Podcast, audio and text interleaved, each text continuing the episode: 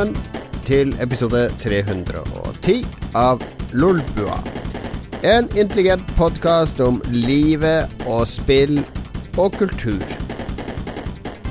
Intelligent? Jeg prater ekstra sakte, fordi da høres det ut som det er mye mer eh, vekt og tyngde og pondus i det vi sier. Vi blir automatisk tatt mer seriøst når vi prater sånn her. Er du ikke enig, Lars? Ja, totalt enig. Men vi kan jo snakke veldig fort, fordi USA har jeg hørt på podkast, og så snakker de kjempe, kjempefort, så får jeg lyst til å bare sakke det ned til sånn 0,75% for å få med meg noe, og ikke få blodtrykket opp sånn kjempehøyt, for jeg kjenner jeg bare blir helt stressa av det. Ja, men de, men det er jo erkeeksempelet på at de har veldig lite å melde. Jo mer du må snakke om noe irrelevant, som f.eks. dataspill, jo mindre har du egentlig å si om dataspillet. Det er min teori. Så alle som bruker 30 minutter av en podkastepisode på å snakke om ett spill, da er det, da er det mye tomprat. Det, jo, jeg er enig. Vi prater jo saktere, jo bedre. Det er slagordet til Ja. Apropos tomprat, Mats er tilbake. Det var stygt. Det var under, under beltestedet. Hallo! Takk for sist, Hallo, Mats. og Lars. Hallo. Ha, du ser ut som en rød tomat. Hva er det som har skjedd? Jeg har vært ute i sola, og som en eh, veldig bleik datanerd, så glemte jeg å smøre meg inn. Og Nei, ikke si du glemte. Du er mann. Alle menn gjør det hver vår. Når sola kommer, så glemmer de at vi må bruke solkrem. Og så, nei, det, å, nei, det går bra. Og så hvert, hvert år så er det sånn Å, herregud, å, jeg blir så brent. Jeg, jeg bruker faktisk eh, ikke å bli solbrent hvert år. Dette er, dette er nytt, nytt av året. Eh, vanligvis bruker jeg å være veldig flink, for jeg, jeg vet at jeg er veldig bleik, og jeg vet at huden min ikke tåler sol, så jeg bruker egentlig å være veldig flink å smøre meg. Men eh, ikke i går. Da var jeg ute i sola litt for lenge, og ble svidd. Ja. Det, det ser nesten ut som du har fått rødt hår. Har du noen sånn aning til Sånn tendenser til rødt hår, Mats? Jeg har, ja, vet du hva, faktisk, du har, eh, det er en god observasjon. Eh, hvis jeg lar skjegget mitt gro, så er jeg veldig rød i skjegget. Håret mitt er ganske brunt, men skjegget mitt er rødt. Men kanskje jeg begynner å bli rød i håret også? Kanskje jeg er i ferd med å bli full ginger i stedet for han? Ja, for du er, du er kanskje 25% ginger, er det Ja. riktig anslag? Jeg tror jeg har noe ginger, noe ginger jeans. Ja, ja, ja. ja. Lars, du er også litt gin ginger. Når vi tok eh, DNA-test, så kom du jo 10% ginger. Ginger jeans, det høres ut som en sånn bukse. Men eh, jo da, jeg er jo veldig ginger i genene. Det er sikkert eh, sentralasiatiske strøk i Aserbajdsjan som gjorde det. Jeg tror det. Spot on. Hvor kommer gingerne fra? Er det Skottland som er uh, ut, urspringet for alle rø rødtopper? Kanskje de strømmer ut fra Norge og ned til Skottland. Ja. Hadde vi så Er det ikke, er det ikke nordi her? nordisk? Det er, det er jo ikke bare blondt hår som er nordisk. Jeg tror vi har de her rødhåringene også, faktisk. Kristian er jo 100 De, nordisk. De, de han er kommer, de rød sikkert som- fra en eller annen sånn fjord, eller en innsjø eller noe sånt, så bare ramla det ut noe eh, rødhåra folk eh, back in the day. Ja. Starta Eh, albino, Albinofjorden, der det bare var albino og rød Det blir satt, Alle de albinoene og rødhåringene ble satt inn i samme fjord, og så ble det denne eh, svake Er det lov å mobbe Ginger? Føler det er det eneste vi kan mobbe nå, fordi alt annet blir jo liksom Vi kan ikke vi kan ikke snakke ned funksjonshemmede eller folk med annen hudfarge eller kultur eller urbefolkning, mens gingers det er fortsatt sånn fritt vilt. Jeg, jeg vet ikke om Jeg vet ikke om vi kan Jeg vet ikke om vi kan si er at det er ok å mobbe noen, men å gjøre Å liksom Å tulle litt med dem med glimt i øyet, det kan vi jo gjøre. Men å si at det er ok å mobbe noen, er vel ikke bra. Det er jo, Ja. Men er, det er jo ikke så mye glimt i øyet. Ja, kanskje litt glimt Er det ikke i det? øyet. Ja, Nordlendinger òg er jo lov å harselere med. Nettopp. Vi tar det ikke Nei, nei, vi seriøst. tåler, vi tåler det. Ja. Gjør vi det? Vi- vi- vi liker Lars, det som bare sitt på den jævla telefonen! Vi liker vi Bare, jeg og Mats kan ha sending hvis du skal sitte og tekste med dama di. Jeg blir tekster med provosert. Jeg ber om én time av ditt liv til å være med på en podkast, og sitte og tekste med dama hele veien. Jeg Sitte og se på YouTube, eller hva er det du driver med? Eh, jeg, er jo, jeg er jo med i en ny bedrift, eh, og i dag er det jeg som eh, må ha oversikt over hva som skjer på kvelden. Så nå eh, måtte jeg liksom orientere ikke, meg jeg kan si hva som skjer i kveld. Jeg ser det herfra. Det skjer ikke en dritt i Harstad i kveld. Du må ikke være så sint. Tenk på blodtrykket. du skulle, du skulle sett hva som skjedde i St. Olavs gate tidligere i dag. Ikke sant, Lars? Ja, ja, ja. noen som har tagga hakekors. Jeg hører det er sånn eh, vilt sånn nazi-invasjon i Harstad, og det blir tagga ned med hakekors overalt. Jeg har sett du har vært og tatt bilde av. Stemmer det? Eller er det eksempel eh, på redaksjonsmøtet i går du, kan, ikke du, kan ikke du kjøpe en sprayboks, og så drar du bort dit i natt? Så har vi en bra sak. Er det det som har skjedd, eh, Lars?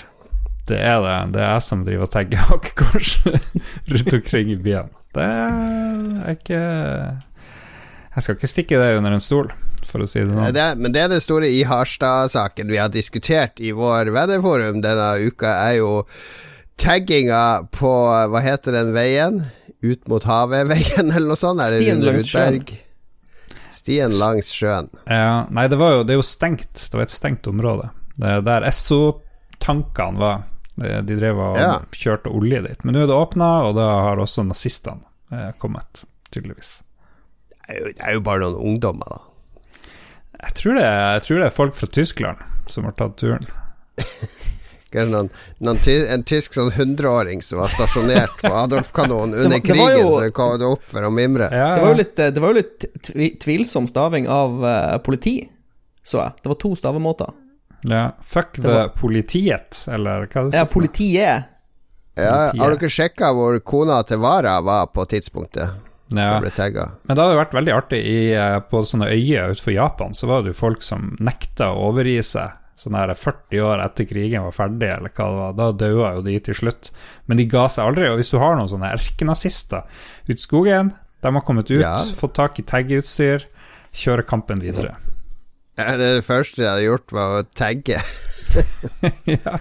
Nei, men det, det som slo meg, det er jo en sak da i Harstad at det har vært eh, noen stygge tagginger der. Eh, ikke sånne kule tagginger som vi har i Oslo på Bøhler, der det står Bowie-kniv og sadfuck. Det, den, det var jo et forsøk fra noen på Bøhler å få den freda av byantikvaren, fordi den tagginga har vært der siden 70-tallet.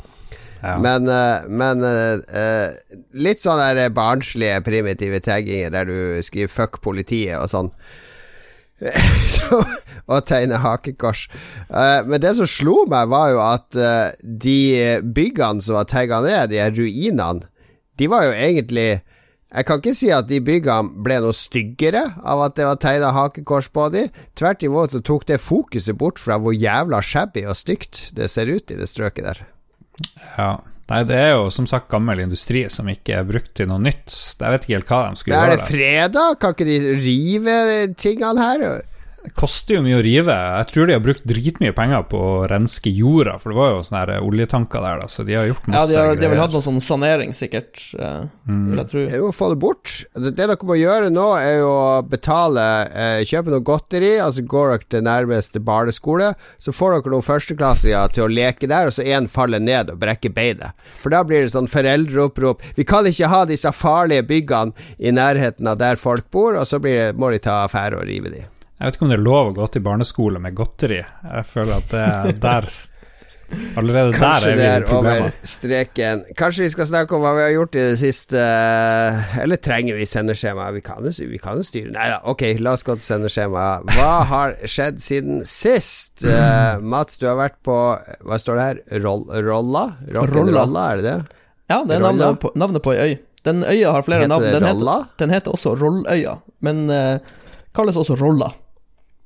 Er det ikke noe tjukk L der? Altså, Rolla. Rolla. Det er da ei øy utenfor Harstad. Er det på Ibestad? Ja, det er samme øya. Eh, min familie har et sommerhus på den andre sida av øya, eh, som heter Ja. eh, Det er egentlig der du kommer i land med ferga. Så jeg har vært der ute. Sommerhus i Nord-Norge, burde ikke det vært litt lenger sør? Hm? Sommerhus i Nord-Norge, det kan jo bare bruke to, to måneder i året, cirka. Nei da, det, det, er faktisk, um, det er faktisk ganske nice, fordi hvis det er masse snø i Harstad, spesielt der foreldrene mine bor, så hvis de drar ut på øya, så er det jo helt bar bakke og fint, så får, du får liksom vårfølelse av å dra ut dit. Hurtigere tining der ute. Det så så sykt fint ut. Jeg har, jeg har sikkert sett bilder ute der fra før, men nå så virka det jo alt veldig shina og ordentlig. Og, Ja, de har jo um, De har lagt ganske mange arbeidstimer inn i eh, de, de husene der, for de har jo pussa opp hovedhuset, og så ligger det en butikk, en sånn gammel butikk, rett eh, ved siden av, som de også har pussa opp i samme stilen.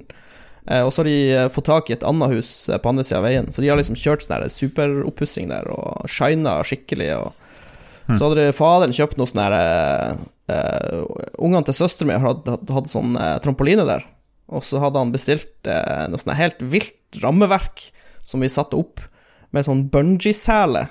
Så du kunne liksom eh, bruke inne i trampolina, sånn at du kan hoppe kjempehøyt i trampolina, liksom. Det er jo for, Ja, det er jo for vanlig i ungene, da. Syden. Det er sånn Sydengreier, det. Ja, ja, ja. men det var, jeg har aldri sett noe sånt før. Men det var så voldsomme dimensjoner, fordi den ramma stikker jo flere meter over trampolina igjen. Så det var jo Ja, ja, eh, et mareritt å sette sammen, men det var, ble veldig populært når det ble ferdig, da. Og så har vi, eh, vi dratt ut båten. Jeg tror det var da jeg ble solbrent, for vi knødde så mye med å få båten ut av naustet. Og for faderen har tenkt å vaske den eh, og smøre den. Jeg vet ikke hva du gjør med båten, det, det er noe sånne greier du gjør hvert år. på under, på er det en trebåt, eller er det en sånn plastfiberbåt? Det er en sånn plastaktig båt. Ja, det må jo pusses og Ja, sikkert noe sånn eh, vaskes under og smøres og sånn. Ja. Så jeg var rett og slett. Jeg var rett og slett ute i sola i hele går. Og uten å smøre meg. Det er derfor jeg ser ut som, som jeg ser ut. Men det var veldig trivelig. Og så er det, det er veldig fint der ute. Så jeg, jeg har lyst til at vi skal ha en sommerfest der en gang, med Lolbua. Samle hele redaksjonen. Det tror jeg kan bli Vi har jo masse sengeplasser. Vi har jo sengeplasser for over ti stykk, liksom. Så det er jo null problem. Eh, jeg har en del ting på raideren hvis, hvis det skal skje. Se, er, det, er det innlagt vann og kloakk, eller er det utedo? Det er alt, innlagt vann og alt.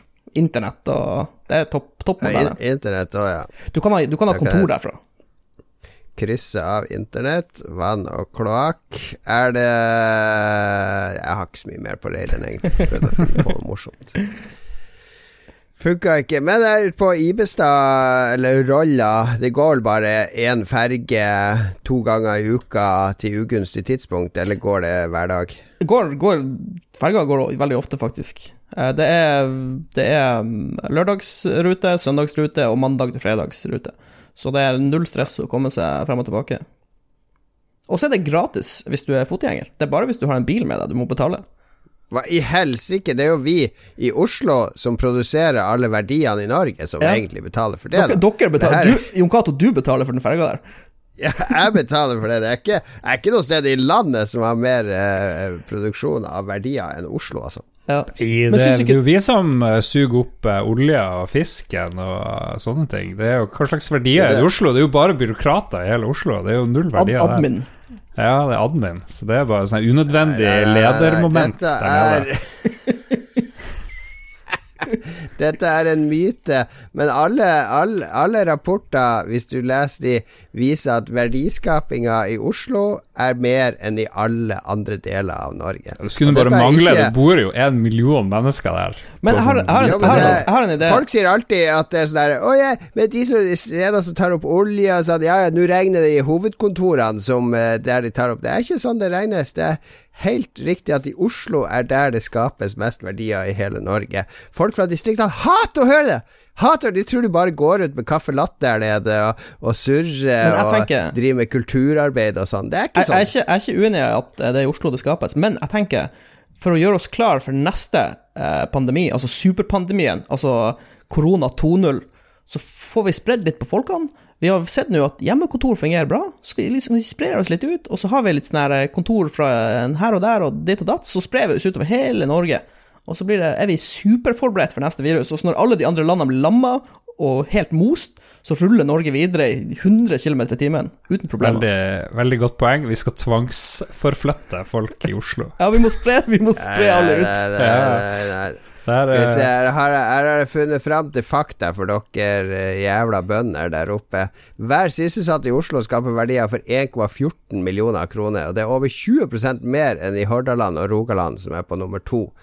Eh, og Oslo har næringssammensetning med stor andel høyproduktive næringer og få offentlige arbeidsplasser. Derfor scorer Oslo høyest.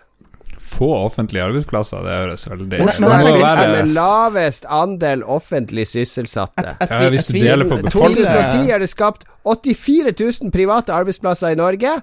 73 000 av disse i Oslo og Akershus. Så kom ikke her og si at du ikke skaper ting i Oslo. 70 Forbannede bønder fra nord. 73 000 av de er sånne der eh, som sitter og lager kaffe til hverandre. Ja, men de åpenbart. skaper verdier så lenge det er en økonomi som går rundt. Det er Oslo som er framtida, ikke Rolla.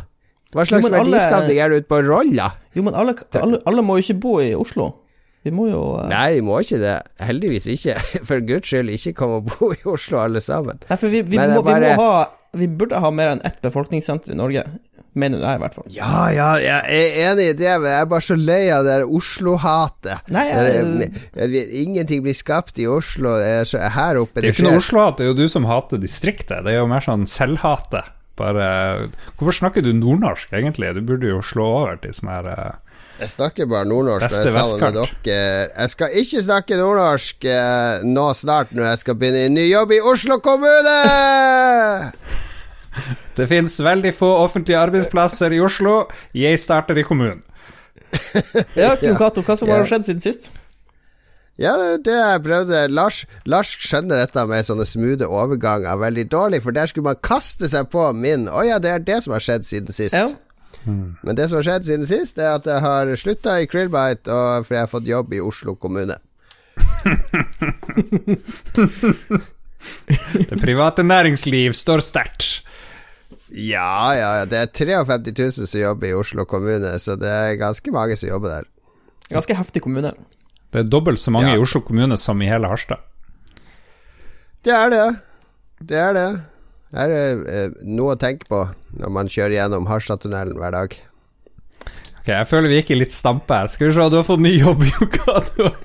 Men du snakker jo Ja, mye om det i, det er- i uh, spillrevyen, så kan ikke folk bare høre på det? Slipper vi å høre om det der uh, Oslo kommune og sånne ting. Fordi du vet at du har så dårlige argumenter her at du vil bare videre. Nei, det er. Nei, ok, fortell. Du har fått ny jobb. Woohoo! Ja, jeg har sagt opp eh, Det er jo alltid litt spennende å si opp jobben sin. Du var jo gjennom den prosessen i januar. Det var jo litt Mm. mer spennende for deg, Lars, fordi du skulle jo starte konkurrerende virksomhet, og da er det litt mer eh, Ja. dramatisk oppsigelsesprosess. Mens eh, min er eh, litt mer eh, ryddig. Jeg skal jo være med å finne min arvtaker i Krillbite Studio, så hvis du går med en daglig leder for en spillutvikler i magen, så gå ned på do og bæsj vedkommende ut, og så ber du han om å søke jobb i Krillbite. For vi trenger ny daglig leder nå. Og Det har kommet inn masse søknader allerede, men vi vil gjerne ha mer. Vi vil ha best mulig person skal komme og overta etter meg. Hmm. Det hadde kult hvis en Lolbua-lytter ble sjef for Krillbite. Nå holder det keep it in the family, tenker jeg. La familie. Ja, ja, jeg vet da ikke helt. Hvilken lytter ser du for deg kunne tatt over Lolbua? Vi har jo flere tusen lyttere, så Nei, eh, noen må det være. Krillbite. Hvem? Nei, skal vi se Vi har jo Alexander Hakestad. Han er jo som banksjef, f.eks. for eksempel. Eh, Broren til Jostein Ja, Hakestad. kanskje Kanskje. Jostein Hakestad kunne være sjef. Han er jo sjef for Ja. Radcorp. Han må jo lett fikse den Du, du vet jo hvem som skal ta over for meg, da.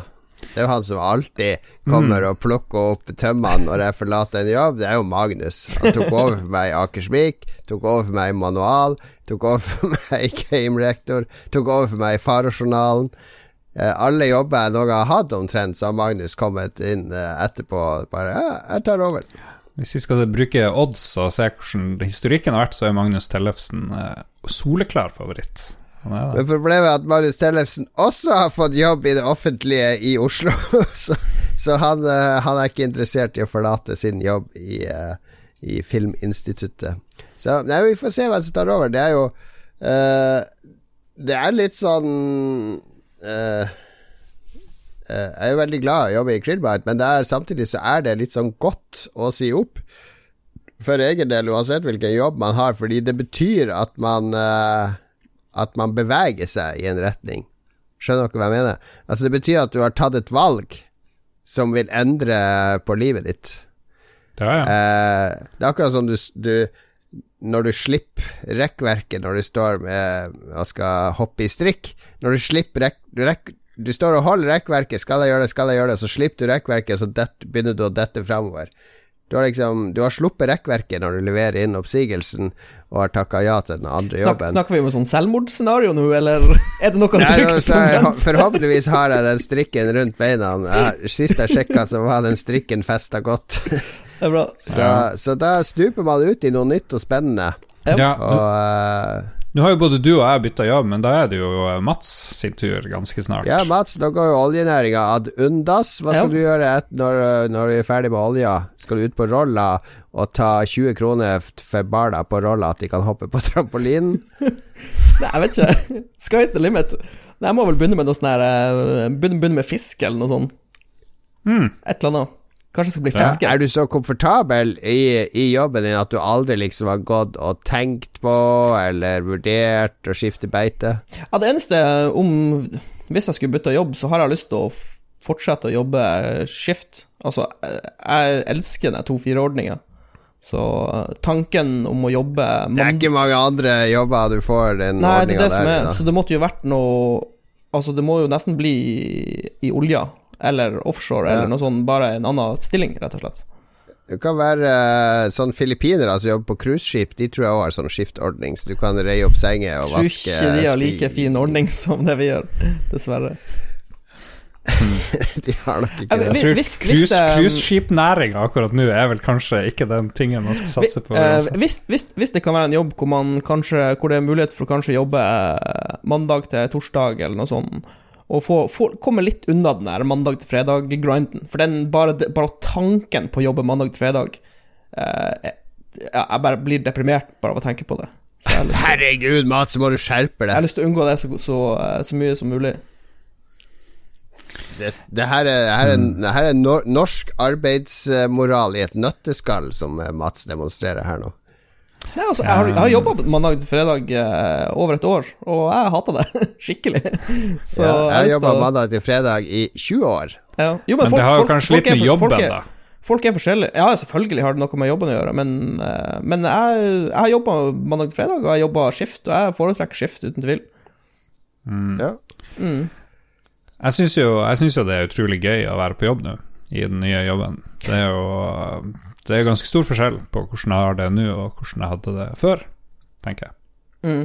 Altså, selvfølgelig, hvis det hadde vært en jævlig sweet jobb, så hadde jeg jo ikke Hvis det er sånn at du gleder deg å gå på jobb, så har det ikke noe å si om du jobber hver dag, eller liksom hvilke timer du jobber. Da er det jo bare artig å dra på jobb.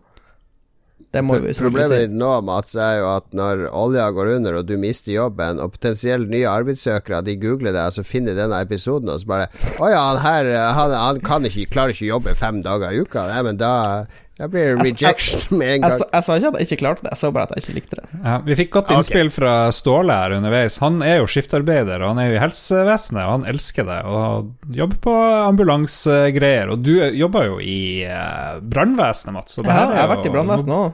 Så Mm. brannvesenet, Ja, politi jeg- Jeg vet ikke om det er sånn skift Mats ser etter sånn der Ja, nå skal du jobbe eh, lørdag kveld og søndag kveld, og så kan du ta deg fri mandag og tirsdag, liksom.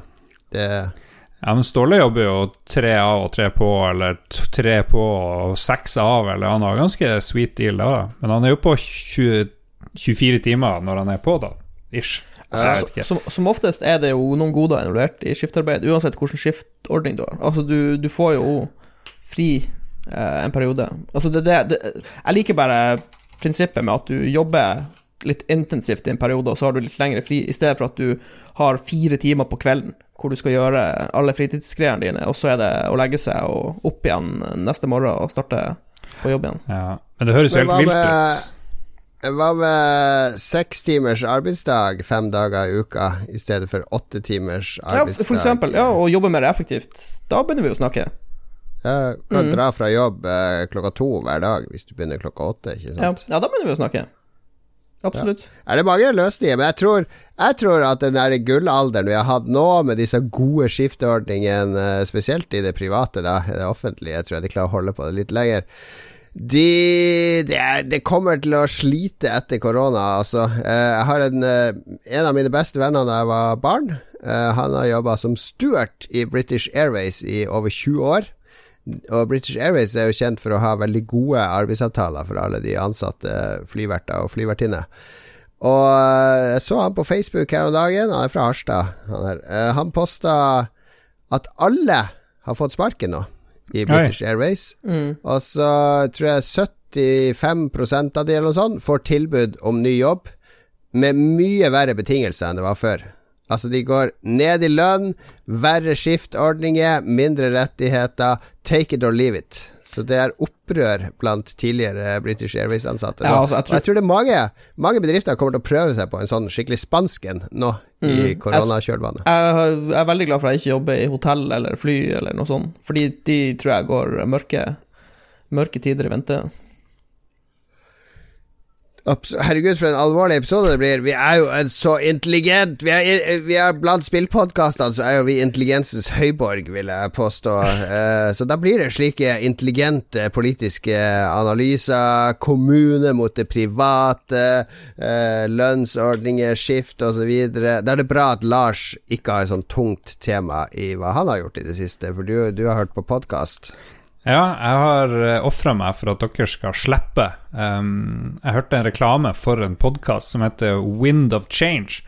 Og den har et ganske artig premiss, nemlig at CIA lagde sangen og ga den til Scorpions for at de skulle spre demokrati i, eh, bak jernteppet i Sovjetunionen i Jeg tror jeg 91, eller et eller annet sånt. Så han fær og snakker med folk i CIA, han snakker med de som lagde denne filmen Argo. Den er jo basert på ekte hendelser, hvor de sendte inn et filmteam i Iran for å frigjøre masse gisler, ikke sant. Og så forteller han om Nina Simone og masse artister som har vært rekruttert av CIA, eller jobba for dem frivillig eller ufrivillig. Så det er ganske mye spennende historie, men det her varer i åtte episoder. Og, og Åtte det- episoder om Ja. akkurat Om Win of Change-låten og CIA. Ja, sant. Så de, de spinner jo ut i øst og vest. Du får høre ganske mye bra historie. Eh, hvis dere husker den der eh, rockekonserten i Moskva, hvor eh, Ossi var, og Metallica var, eller hva faen det var, og eh, Det var jo en sånn svær greie.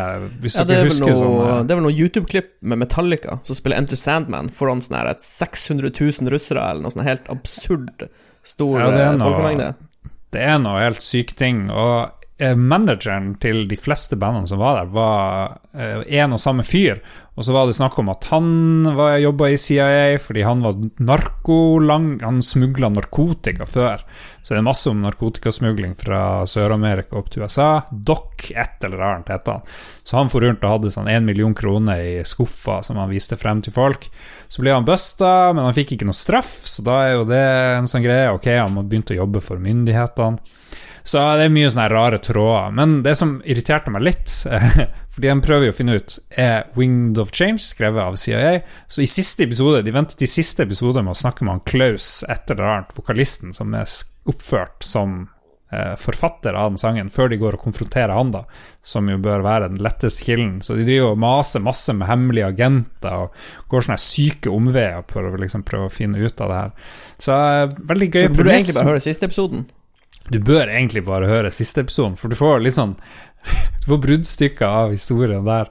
Men eh, jeg ville Ja, ville hørt episode én og siste episode. Jeg kan ikke spoile en hel podkastserie for alle. Spoile? Jeg kan spoile det, jeg kan google det.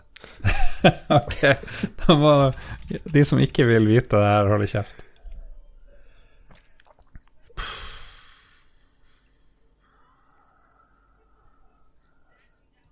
Hva som skjer?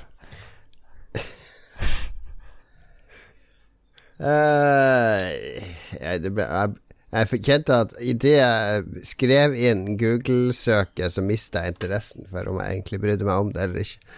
Men eh, nei, det er jo spennende Det er jo litt sånn like absurd premiss som min favorittskrøne, der jeg sier at ananas heter ananas fordi de brukte bananeske. De hadde ikke noe annet enn bananeske første gang de skulle frakte ananas fra fra Sør-Amerika til Vesten, så de bare kryssa over ben på bananas, som det sto på de eskene. Altså når de kom fram da til eh, Norge, så sto det liksom ananas. Det er Men også en, en kjempeartig skrøne. Det, men er ikke det en vanlig eh, vandrehistorie, det der? Det Jo, bananas? det er jo det her òg, er jo selvfølgelig en vandrehistorie. Det skjønner jo, skjønner jo alle. Jeg At var de det har ikke noe greier om skrevet at det. Grateful Dead også var CIA-agenter eller noe sånt. Og så dro de rundt på turné og samla Intel. Men det høres ut som uh, du, uh, Altså, er det Det høres ut som det er true crime eller det er seriedokumentarformat i podkast, føler jeg har begynt å tape seg litt. Alle er liksom klippet litt på samme måte, dramaturgien er liksom bygd opp. Det skal være sånne cliffhangers i hver episode. Uh, det er litt sånn eh, Jeg, jeg syns det er litt forutsigbart, plutselig. Ja, jeg blir litt lei. De varer altfor lenge. Jeg har ikke klart å høre ferdig en sånn true crime-podkast, egentlig. Det er det samme ja. med meg. Samme, jeg begynte begynt på mage, og så bare sånn Jeg, jeg, jeg bryr meg jo egentlig ikke. Altså, jeg, jeg går heller på nettet og ser hva konklusjonen er, enn å følge med i ti timer med endeløse intervjuer med Jeg, jeg vitner. og synes sånn. hvis, hvis, det, um, hvis det er en sånn twist halvveis, så er jeg sånn her Holy shit, hva er det som skjer nå? Da er det verdt det. Men hvis det er ti episoder, og det, egentlig, og det er bare samme greia hele tida, da kunne du hatt det på halvparten av episodene. Men hvis, Kanskje, det, hvis det er en twist Lars, halvveis, kan vi, kanskje. skal vi videre lage en true crime-podkast om uh, hakekorstagginga i Harstad? Åh. Oppsøker vi det høyreekstreme miljøet i Harstad, får med Per-Willy til å uttale seg, får med Hugo Hansen, rådmann Skal jeg ringe Var det noen som sa jeg skulle ringe Per-Willy? Nei, nei, nei, det får da faen meg holde med én episode. Nå er er Per-Willy altfor opptatt nå med å stemme ned den der uh, bioloven. Så lenge, så lenge vi er tro mot oss sjøl og ikke drar det ut over for mange episoder, så er det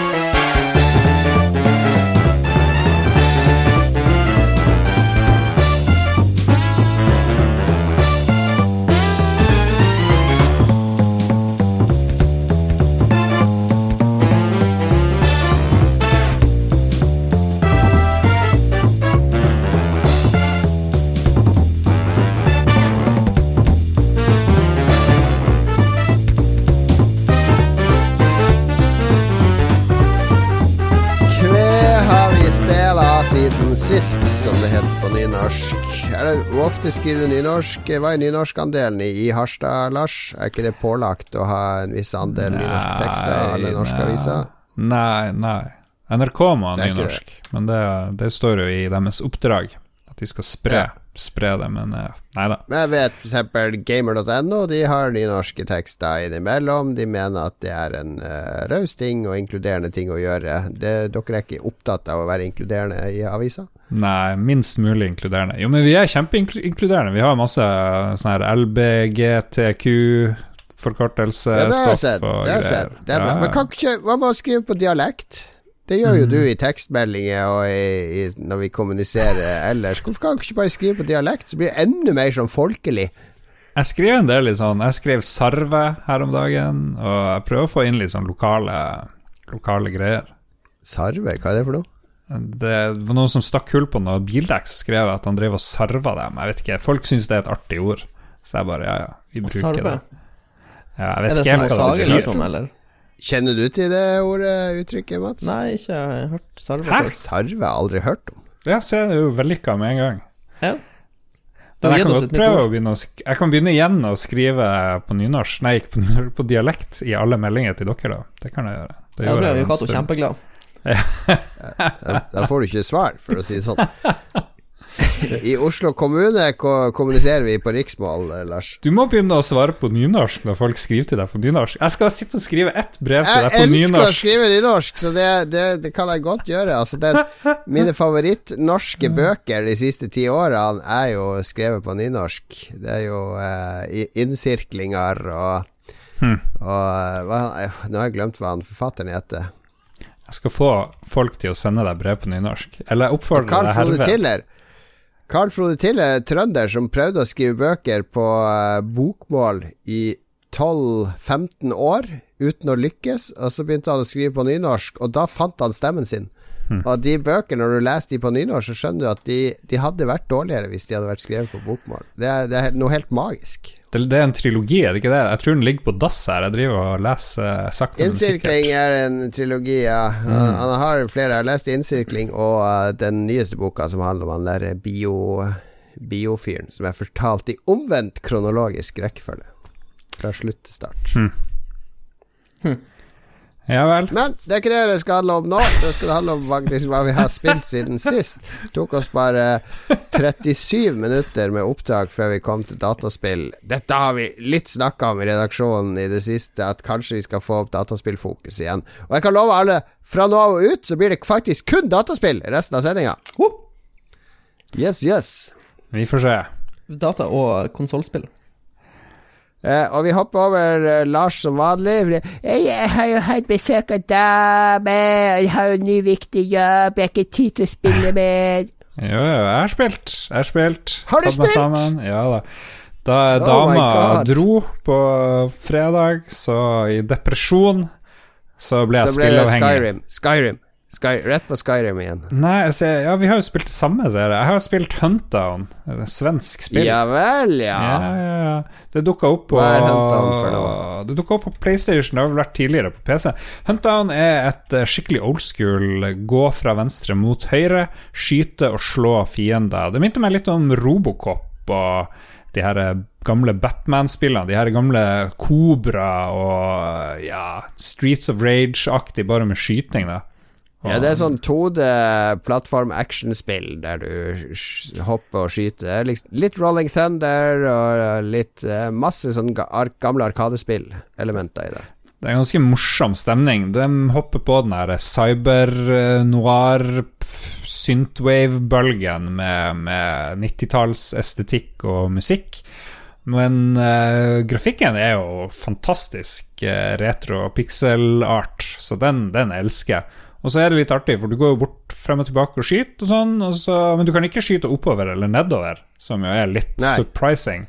Men det gjør noe med, med gameplay, at du må tenke annerledes på brettene og hvordan du skal hoppe og dukke.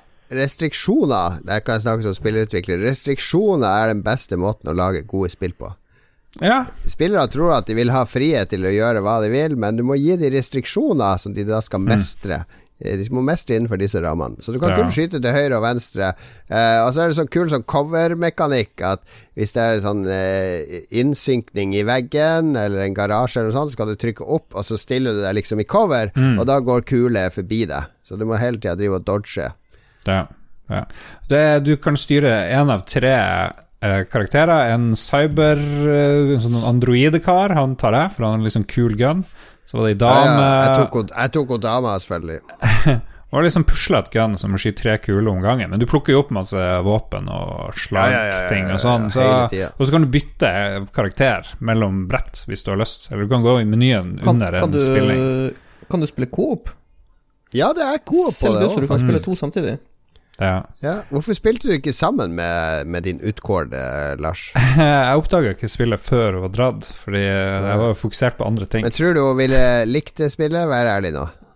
Nei, hun følte jo å kaste bort livet sitt når jeg dro inn og skulle spille ting, så det Ja. Nei, jeg ville ikke likt det, men jeg likte det her ganske godt. Jeg liker, liker ikke sånn terningkast fem og, og kjempestemning, men kanskje hvis jeg hadde spilt til toplayer, så ville jeg likt det enda bedre. Men jeg spilte gjennom den første serien med bosser, for det er liksom Det er bare Du går tre, fire, fem skjermer, og så er det en boss, og så gjentas det om og om igjen. Og Det er ikke 3-4-5 skjermer, det er 3-4-5 leveler med, med en boss på, da. Det er ikke Ja, ja. Ja, screen. men, men liksom. brettene er ikke så lange, liksom, før du kommer til Nei da, men de er litt varierte. Det skjer litt ting. Det er Jeg likte, likte det godt. Litt old school. eh, veldig polert. Eh, på en måte veldig svensk, og svenskene er veldig gode til å herme og, og, og naile denne nostalgien Mm. godt. Så, så det er et sånn typisk svensk nostalgispill. Ja, Mm. ja. Men bra, Lars. Da har du gjort leksa di. Var ikke et annet spill vi ga deg lekse å spille? Ja, det snakka jeg om da du Du stakk jo av midt under forrige sending. For Ja, du skulle hente det. sønnen din Ja, som ok, lå og okay. spydde ute Sorry. i gata et eller annet sted. Nei, da gjorde ikke det. nei da. Ikke det. Nei, da hadde jeg spilt John Wick Hex, som jeg ikke var noe spesielt fornøyd med, dessverre. Nei, men da, vi skal ikke rippe opp i det, for guds skyld. Jeg har spilt uh, I tillegg til Huntdown, så har jeg jo storkost meg med GTA 5 online, for det er jo alltid Jeg har alltid syntes det er så kjipt å spille GTA Eller alltid slitt med å forstå GTA 5 online, fordi når du logger på online der For det første tar det jo sånn fem minutter å laste inn og komme deg inn på en server, og så er du plutselig i den byen. og så bare ringer telefonen hele tida, og så får du meldinger 'Du må komme og gjøre ditt, du må komme og gjøre datt'. Det, det er jo verre enn å være på jobb. Hey, Altså, Roman, cousin. Want to go bowling? Uh. Nei, ja, det er ikke sånn heller. Det er bare sånn der uh, Street race, to til åtte spillere, bla, bla, bla. Og så ringer en sånn dude 'Å, du må komme hit, vi skal ordne ditten og datten'. Og uh, altså bare, herregud, jeg, jeg får jo ikke tid til å konsentrere meg om en eneste liten ting for å utvikle meg i det spillet, så jeg har alltid blitt så stressa og bare stukket av. Men så Mats tok jo initiativet til det her. Eh, Kara, nå må vi spille Heist i GTA 5. Og jeg var med. Eh, Christian var med. Eh, Philip var med. Og Mats, da, i in charge. Han er jo tross alt level 50 og har luksusleilighet og så videre Yeah. i det spillet. Så vi klarte å, å komme sammen da, og opp i leiligheten til Mats, og vi skulle ta et heist der vi skulle eh, få en fyr ut av fengselet, da. Og for de som ikke har spilt heist i GTA Nå er jeg jo syv år for seint ute, men det går basically ut på at man er fire spillere, så skal man gjøre masse steg, masse sånn preparations til et sånn stort mission. Og i alle preparations så er det forskjellige ting man skal få tak i, sånne minioppdrag som skal gjøres, og ofte så må man splitte seg. Lars, du kan melde med din uh, utkårde etterpå.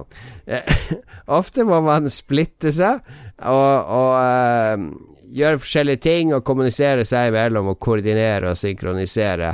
Så vi gjorde jo alle forberedelsene til dette oppdraget. Stjal en eh, fly, så videre, og. Og så kom jeg endelig til oppdraget. Da skulle to jeg hadde da i oppdrag å stjele en sånn fangetransportbuss som jeg skulle kjøre ned til flyplass og sprenge. Så skulle jeg opp i et helikopter og bistå Christian, som da fløy med flyet, eh, til å skyte ned jagerfly som ja jakta på han. Og så hadde vi to karer, jeg skal ikke nevne noen navn, de hadde sånn enkelt oppdrag inne i fengselet der de bare skulle hjelpe disse folkene å rømme. Men det, vi sleit litt med akkurat den biten. De ble, de ble drept litt ofte, så nå, nå kan jeg den ruta med den bussen ganske godt. Mm. Ja, vi skulle eh, Jeg og Philip skulle inn i fengselet, for vi hadde også en fangebuss som vi hadde stjålet tidligere. Ja. Eh, For han, Jon Cato kapra jo en fangebuss, og så hadde vi en fangebuss som var forberedt eh, fra før. Eh, så kjører vi den inn i fengselet, og så skal vi bare hente han der eh, russiske fyren og ta han ut av fengselet og stikke av gårde. Men det var lettere sagt enn gjort, for når vi kommer inn i fengselet, så blir vi av en eller annen rar grunn så eh, finner de ut at vi ikke er legit. Så begynner de å skyte på oss, Men det, det her tenkte jeg på, Mats. Jeg gadd å grubla litt på det. Fordi jeg skjønte jo ikke poenget med at jeg skal ta den bussen. Fordi det eneste jeg gjør med den bussen, er å kjøre den i fem minutter til den flystripa og sprenge den. Ja. Så jeg tror jo at dere skal vente til jeg er i nærheten av fengselet før dere kjører inn, Fordi de skal jo tro at det er min buss som kommer inn i fengselet. Ja, at dere det. kanskje kjører inn i fengselet for tidlig. Kanskje det? Kanskje vi burde vente på det? Ja, for da, da bør jo ikke alarmen triggere, og så får dere snike dere ganske langt inn i fengselet før dere skal bryte det ut. Ja, det burde vi prøve. Vi kan stagre det litt eh, neste gang. Ja, ja, vi, får, vi må, For det tok jo litt tid. Den, den setup-biten tar jo egentlig nesten lengre tid enn selve heistet.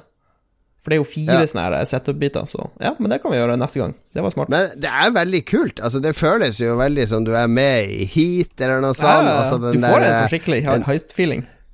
Alle møtes og velger hvilke masker de skal ha, hvilke ransklær de skal ha på seg, og så går man ut og setter seg i bilene, og jeg, jeg, jeg koste meg, koste meg skikkelig. Jeg gleder meg til å spille gjennom flere heists. Mm, helt enig. Lars, her har du virkelig gått glipp av noe, men du hater jo å spille sånn her multiplayer på nett, så jeg vet ikke hvordan vi skal få det deg Jeg syns det her høres veldig artig ut. da Jeg har jo tenkt å joine, men eh, da må jeg jo spille på PC og det greier, og det er jo Herregud. For en skjebne. Men ja, det ga mersmak. Jeg har faktisk spilt GTA Online etterpå alene òg, fordi eh, jeg kjøpte meg en nattklubb og driver med sånn motorsykkelklubb nå.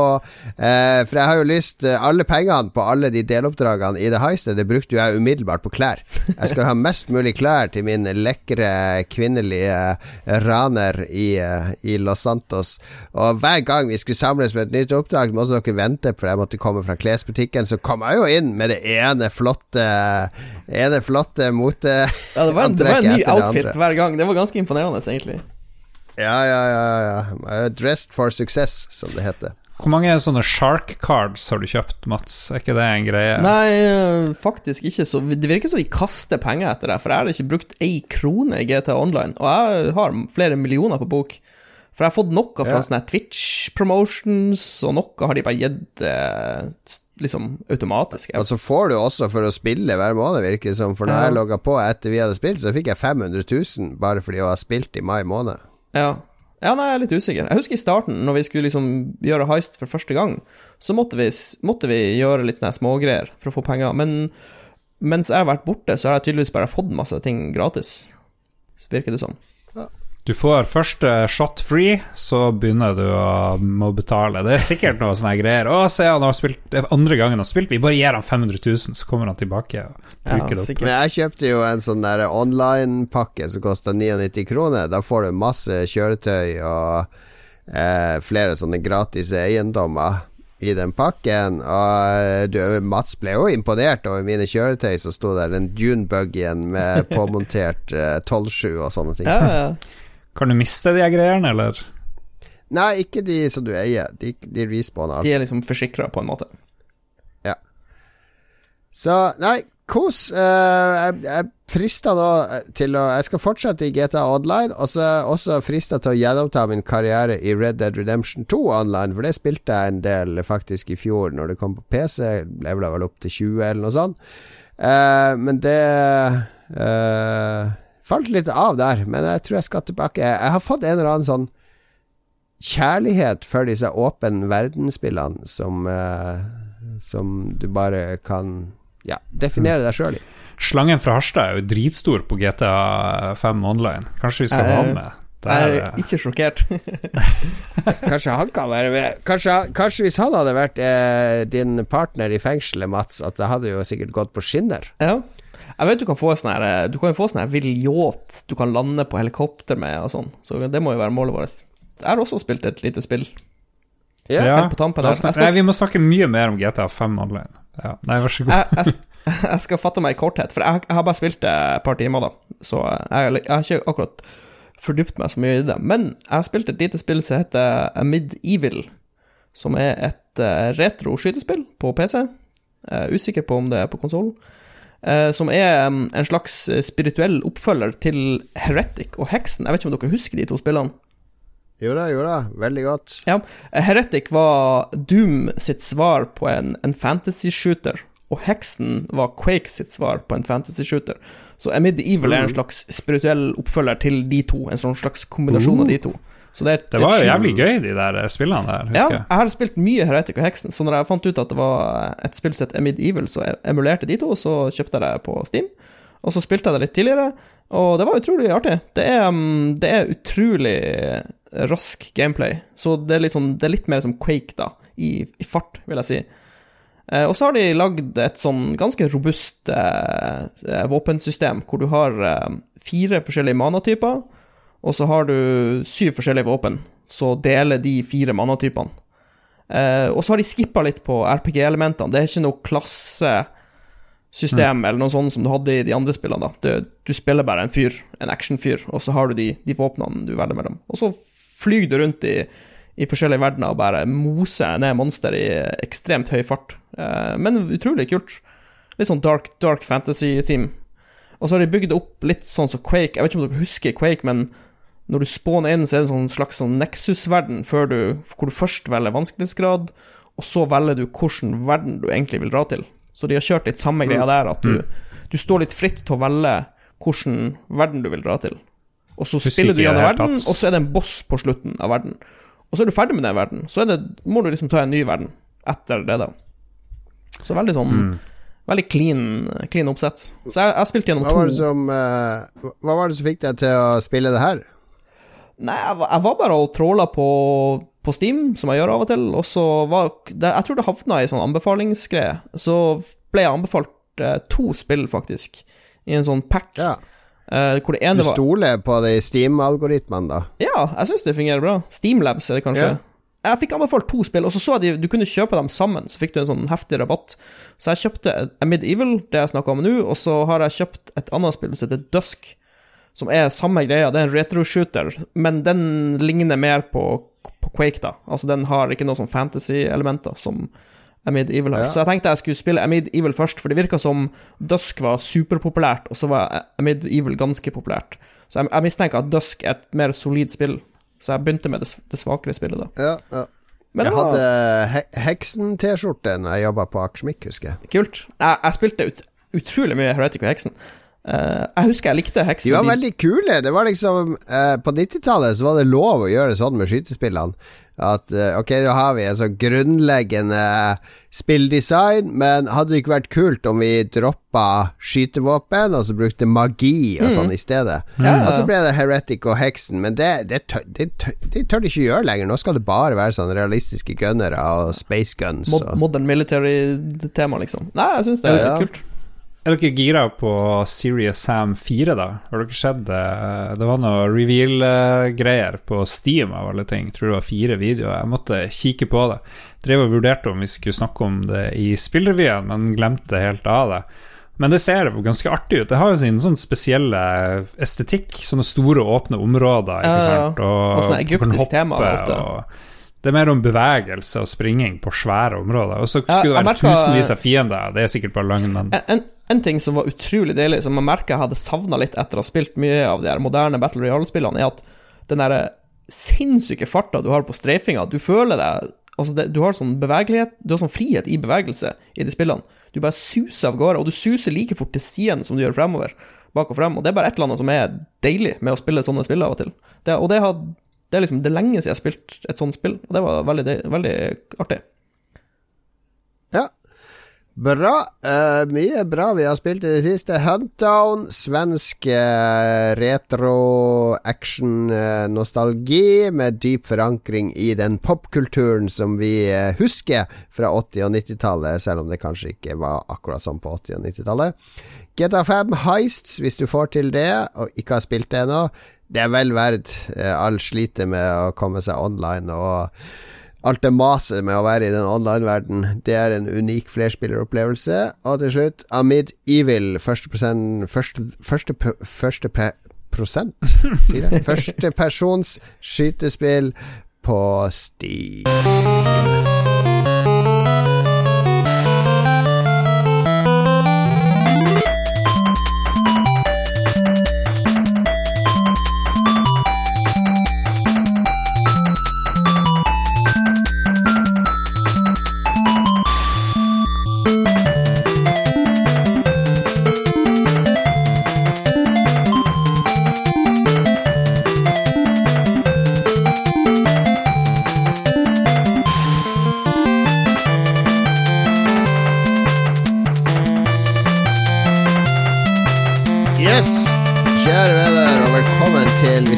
Med spill i Nordblå, tro det eller ei. Eh, velkommen til vår nye spalte som vi har uh, trademarka. Jeg har sendt inn copyright-registrering. hyra inn advokater. Vi har brukt nesten alle Patron-pengene på noen amerikanske advokater, som nå har sikra oss alle rettigheter til å bruke terminologien Console Countdown, som denne nye spalten heter. Vi skal nemlig telle ned. Eh, countdown, det er engelsk for å telle ned. Eh, til de nye konsollene lanseres ved å gjennomgå de tidligere konsollene, eh, eller de tidligere konsollgenerasjonene til de respektive konsollene. Det ble en veldig mye konsoller nå. Men vi, vi, vi vet jo at det kommer en uh, PlayStation 5 ganske snart. Det kan forhåndsbestilles nå på Komplett og andre steder for en eh, hypotetisk pris 9990. Den blir sikkert billigere. Og så kommer det en Xbox One Series X. Eh, Veldig vanskelig navn. Kan jeg bare si at det, det er et har- veldig dårlig navn på en spillkonsoll? ja, det er et navn på en Et eller annet i en spillkonsollserie. Uh, de, Microsoft er veldig vag på om det egentlig er konsollen heter det, eller om det bare er en serie X-versjon av Xbox. Så eh, jeg er litt forvirra. Men vi vet at disse to maskinene kommer, hva vi enn skal kalle de, PlayStation 5 og en ny, kraftigere Xbox. Og da tenkte vi at vi kan uh, mimre litt veien fram til disse konsollene. Fordi det har jo vært foregående konsoller med historikk som har blitt lansert i tidsvinduer, som har vært med å definere hva som var mulig å gjøre med konsoller, hva vi forventa av konsoller, og hva slags minner vi har fra disse forhenværende konsollene. Så det blir én konsoll nå i kanskje ikke hver episode, men i hvert fall eh, fordelt nå utover sommer og høst fram til de nye konsollanseringene. Er det planen? Så at du som lytter, eh, hvis du f.eks. er bare ti år gammel og hører på Lolbua, det anbefales definitivt ikke, og kun har spilt PlayStation 4 i livet ditt, så kan du få lære litt Å ja, det var faktisk en PlayStation 3 og 2 og 1. Og så kan du få lære litt om hvordan det var når de kom, og hva vi, hva vi fant oss i av manglende funksjonalitet, og hva vi elska med, med de gamle konsollene. Det kan jo være noen som tror det var 359 Xboxer før Xbox 360, f.eks. Ja, det, det hadde vært jævla kult, da. De neste 360 361 episodene skal vi snakke om alle de forrige Xbox-konsollene. Litt slitsomt, da. Men vi skal begynne med, da selvfølgelig med den uh, Vi begynner med PlayStation 1. Uh, eh, den aller første PlayStation-konsollen skal det handle om i denne episoden. Og, og vi uh, må først snakke litt om tida denne konsollen ble lansert i. Fordi den ble jo lansert i Japan i desember 1994, eh, og i Europa og USA i september 1995. Et ganske stort vindu. Og det er jo noen nå som spekulerer i at pga. korona produksjonsproblemer, overbelasta fabrikker osv., at kanskje blir det en sånn staggered launch av PlayStation 5 òg, eller veldig, veldig limited availability hvis det blir worldwide launch. Så vi får se. Men i, i, på denne tida så var det jo veldig vanlig at det kunne gå både ett år og to år mellom japansk lansering og lansering i Europa av en konsoll. Det, det, var jo noe av spenninga òg, husker jeg, eh, Lars, på denne tida. At eh, man måtte lese disse bladene som hadde tilgang til en japansk maskin og kunne rapportere. Man måtte få sånn inntrykk fra folk som hadde prøvd den, ja. eh, uten å få muligheten til å prøve sjøl. Ja, 94 var jo enda tida hvor vi satt og leste Edge, tror jeg. Var vel det vi ja. stort sett uh, kjeiki, og at ting Edge ble Edge var ganske nytt og ferskt da, dette spillbladet Edge. Det var vel bare oppi nummer 2030 eller et eller annet sånt. Mm. Og det at en maskin kom først i Japan eller USA, og så senere i Europa, det var jo ikke noe vi reagerte på. Men jeg lurer på hvordan Det var helt vanlig, og så var det jo også helt vanlig at uh, mange, mange spill aldri kom ut av Japan. Man satt og leste om sånne spill som aldri ble oversatt eller fikk lansering utenfor hjemlandet. Så det var, var veldig sånn uh, følelse av, uh, av at landegrense hadde mye mer å si da enn nå. Ja. Men la oss, la oss, se litt på hva som skjedde i 94-95, før vi går på selve konsollene. litt om tids, tidsvinduet her, fordi internett var jo noe nytt i 94. Vanlige folk hadde jo ikke ennå tilgang til internett. Du har ikke noen smarttelefoner, så du var ikke på internett ute når du var ute og tok buss eller trikk eller T-bane. Det var ikke så mange som hadde mobil heller i 94, omtrent. Så. Nei, det var ganske nytt. Jeg husker når du fikk deg din første mobil. Jeg bare Ja, det skal jeg aldri ha. Jeg, har, jeg hadde hustelefon på hybelen min nede i Oslo, så det holdt i massevis. Men, men, vi hadde jo ikke noe internett bærbart, og vi hadde heller ikke noe internett hjemme. Uh, jeg og du var jo, vi hadde tilgang til internett på, på skoler, mm. Eh, på universitetet som vi gikk, så, så, det var liksom der vi kunne uh, Ikke surfe på nettet heller, fordi det var jo uh, Telnett og FTP-er og sånne ting man måtte bruke. Det var ikke et grafisk grensesnitt ennå. Uh, I Norge i 94 så var det jo veldig hett rundt en folkeavstemning om EU. Uh, mot, helt mot slutten av 94, når PlayStation ble lansert i Japan. Det ble jo Med svak margin så ble det stemt nei.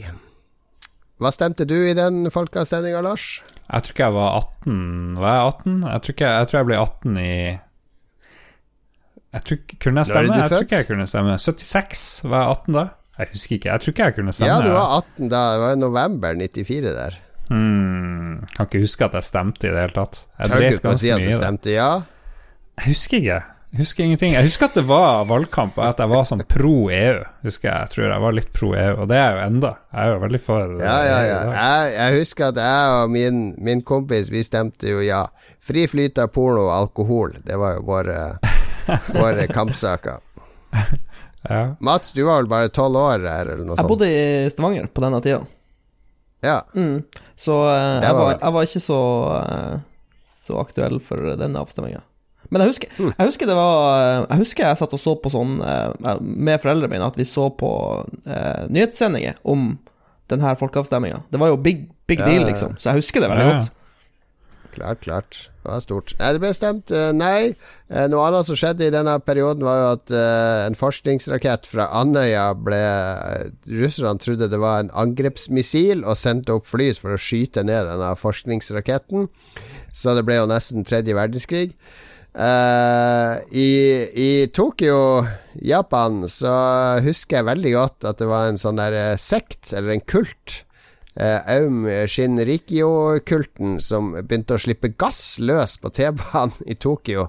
Og, og de skada jo 5000 mennesker og drepte 13 Ja, det var- med denne bare sånn- Det var, det var nervegass de slapp løs. Sari, Ja, ja. Saringass, seriøse greier. Eh, jeg har faktisk nevnt det en podkast som heter Last Podcast on the Left. De har en serie om Aum Shinrikyo som er utrolig bra. Ja, ja, det stemmer. Veldig fascinerende. Jeg tror også han uh, Mirakami, uh, vår favorittjapanske forfatter, har vel skrevet en bok om de òg. Uh, Ja, ja. Jo da. Jeg har ikke lest den, faktisk. I, I USA så eh, Det er terror i USA òg. Timothy McWay eh, sprengte jo en bombe i Oklahoma rett utenfor et sånn eh, public office som drepte 168 mennesker. Eh, så det er jo ikke bare Det er jo ikke bare islam som står bak terror, for å si det sånn. Alltid når vi tar sånne tidsvinduer bak i, i, i tida, så er det jo bare enormt mye bomber fra Ja. IRA og, og gale folk hele tida. Så terror er jo noe som har vært der hele tida. Virker det er, som. Ja. Eh, første etere finner sted i Los Angeles i 94 Nei, 95. Og det er jo kjempekult. Uh, John Major er statsminister i England. Husker dere han? Så vidt. Jeg, jeg har bare et ansikt. Jeg kan ikke huske Nei. mannen i det hele tatt. Jo, jeg tror jeg husker litt. Men uh, ja, ja. Bill Clinton var jo Frankrike- en hit. Ja, Bill. Clinton husker vi jo godt, eh, kanskje av, av litt feil grunner. Men eh, Og i Frankrike så er det Jacques Chirac som da er eh, president. Don't hate the player, hate the game. ja. Altså var det jo stort år for Norge i 95, fordi vi vinner jo Eurovision med Secret Garden og Nocturne. Ja. Og det beste med å vinne med den låten var at svenskene ble jo så sinnssykt sure. Jeg tror til og med de leverte protest, for de mente det var for lite synging i den. Det var for mye en instrumentallåt. Mm. Jeg husker jeg var på Melodi Grand Prix slash russefest i 95, da, da Norge vant den der Oh. greia. Mm.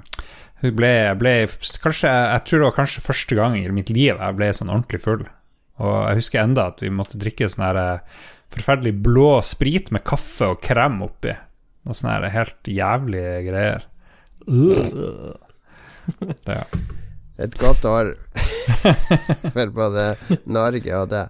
Ja. Eh, det er jo eh, konflikt nede i, eh, i det som tidligere het Jugoslavia, og Srebrenica-massakren finner jo sted i juli. Eh, en annen massakre foregår digitalt når Windows 95 blir lansert. Nei, det var litt stygg sammenligning, da. Men eh, Windows 95 ble ikke varmt mottak, eh, mottatt i de der IT-miljøet som vi hang i på Blindern i 95. Nei, Mats, var du på Windows 95? Eh, Det var du vel? Ja, ja, ja. Ja. Husker Husker du, uh, husker du hvem som hadde uh, Microsoft betalte jo Rolling Stones for å bruke den låten 'Start Me Up'! I reklamene. Og det syns jo alle de nerdene eh, på Blindern var så morsomt, fordi i refrenget der så er det jo 'You make a grown man cry'.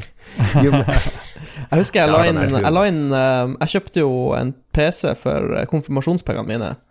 Og jeg la inn Windows 95 på den PC-en, og da kom det en fyr som faderen jobba med, og hjalp meg med å installere Windows 95, for jeg var så noob. Jeg hadde bare erfaring med MS-DOS, så Windows 95 var helt nytt. Jeg tror ikke jeg hadde PC i 95 eh, ordentlig. Jeg tror jeg kjøpte den litt seinere, da jeg for på Blindern og sånt. Og det var jo i 96 Nei, jeg for til Blindern i 95. Ja, ja. Jeg mener, det ble bare rot. Hva heter det? Sognsøren, det var der oppe jeg bodde med de her danskene. Ja, ja, det bodde oppe på Kringsjø, heter det. Kringsjø, ja. Anyway, og da hadde jeg Windows 95, faktisk. Jeg hadde det. Og Celeron-prosessor. Fantes det da? ja da. Ja. Jeg kjøpte uh, Ja, ikke så farlig. Uh, Unabomber-manifestet blir trykt i amerikanske aviser. Han uh, drev jo og herja nå. Også veldig bra Netflix-serie om eh, jakten på Unabomber. OJ Simpson ble jo endelig frikjent dette året. Det, kunne jo, det så jo alle når han skulle ta på seg denne hansken. Hallo! If the glove ikke- doesn't fit, you must quit. den hansken, den passa ikke. Så han ble jo fri mann. Kunne fortsette å lage Mann med den nakne pistol-filmer. uh, så kom jo endelig PlayStation ut da i uh, september 95 i Norge og uh, Europa og USA.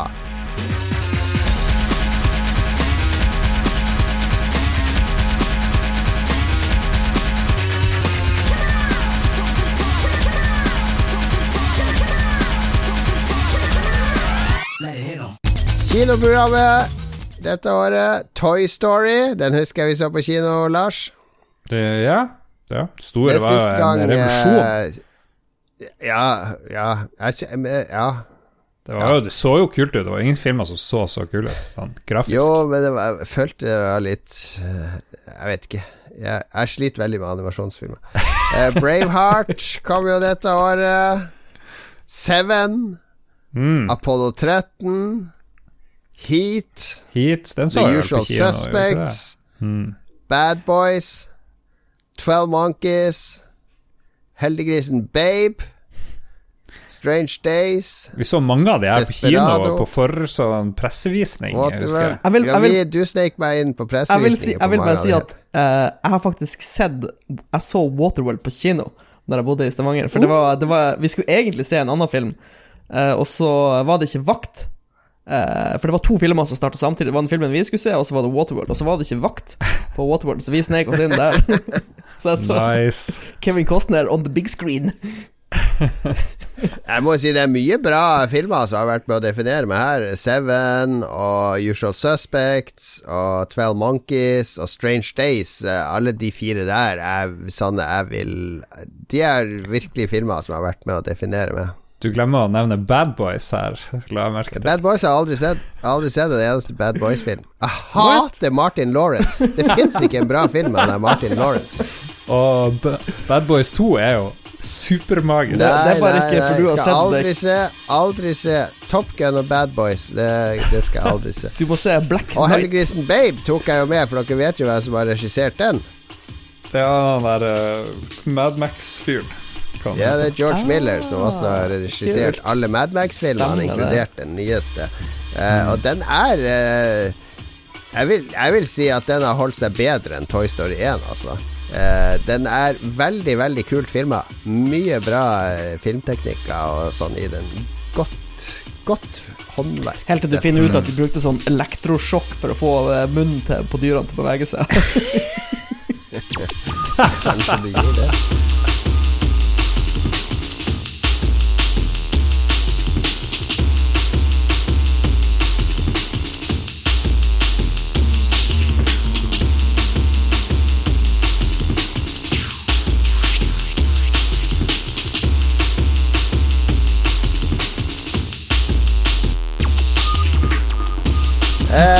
Musikk. Vi hata jo det meste av musikk på 90-tallet, bortsett fra tekno. Eh, som vi da begynte å like pga. Wipeout, eh, Lars. Og så drømte vi jo i alle år om å dra på Hyperstate på, Ja. på Oslo Spektrum, men vi, vi satt heller hjemme og spilte Puzzle Bubble og hørte liveoverføringa på NRK P3. Jeg husker det veldig godt. Vi likte jo Prodigy, da. Vi likte jo sånne ting. Eh, Ja da, vi gjorde det. Men hva slags musikk var det som prega dette året her? Jo da, det var Coolio med Gangsters Paradise. Det var den store hiten. Shaggy med Bombastic. Take That, Back for Good, Michael Jackson, You're Not Alone, You Two, Hold Me, Thrill Me, Kiss Me, Kill Me, som vel var til en av de Batman-filmene det året. Alb, uh, Radiohead, albumet The Band, som er stort. Oasis kom jo dette året med What's The Story, Morning Glory.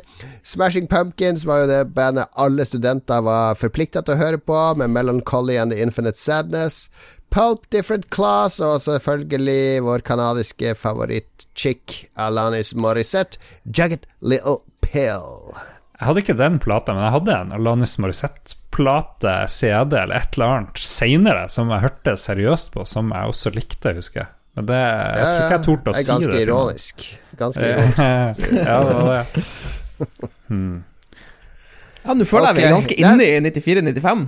Ja, det, nå, har vi, nå, har vi et, nå er vi tilbake i denne tida, og da Jeg og deg, vi, vi dro jo Vi hang mye på Akersmik på denne tida. Lars, for du var i Oslo dette året Ja. her.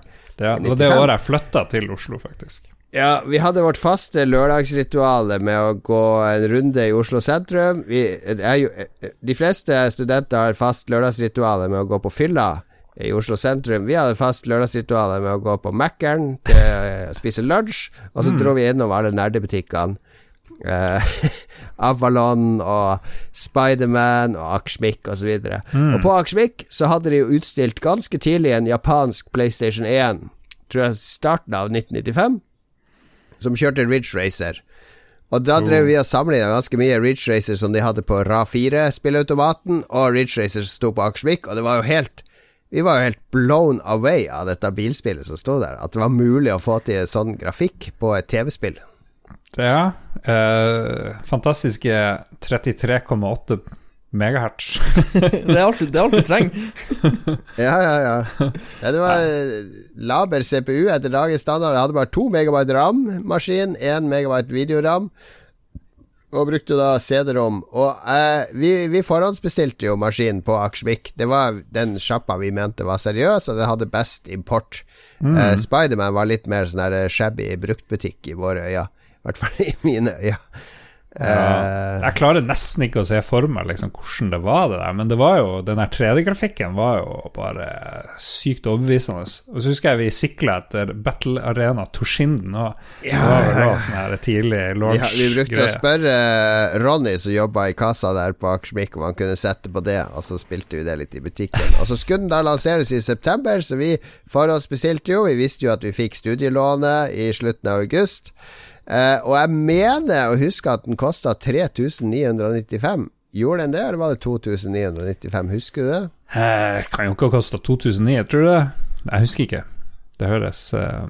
Det er ganske mye penger i 1995 for en student å kaste 4000 kroner på en spillmaskin. Ja. Du glemte å nevne det minnekortlagringa. Det var jo en uh, hilarious oppfinnelse. Hvor du hadde sånne Ja. små plastdingser du putta inn i maskinen med Hvor mange megabyte var det? Jeg tror det var åtte, åtte på, de, åtte på de siste, tror jeg. Noe sånn. Mm. Nei, det er ikke megabyte. Det er mye mindre enn det. Det var ikke megabyte. Ah, ja. Åtte var- megabyte. Ja, det var 16 slots, og det var ikke mye lagringsplass i hver slott. Nei.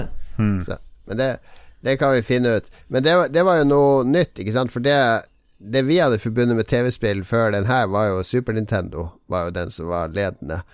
Og det var jo en kassettbasert, ganske simpel sånn 2D-grafikk, eh, syns vi på den tida da.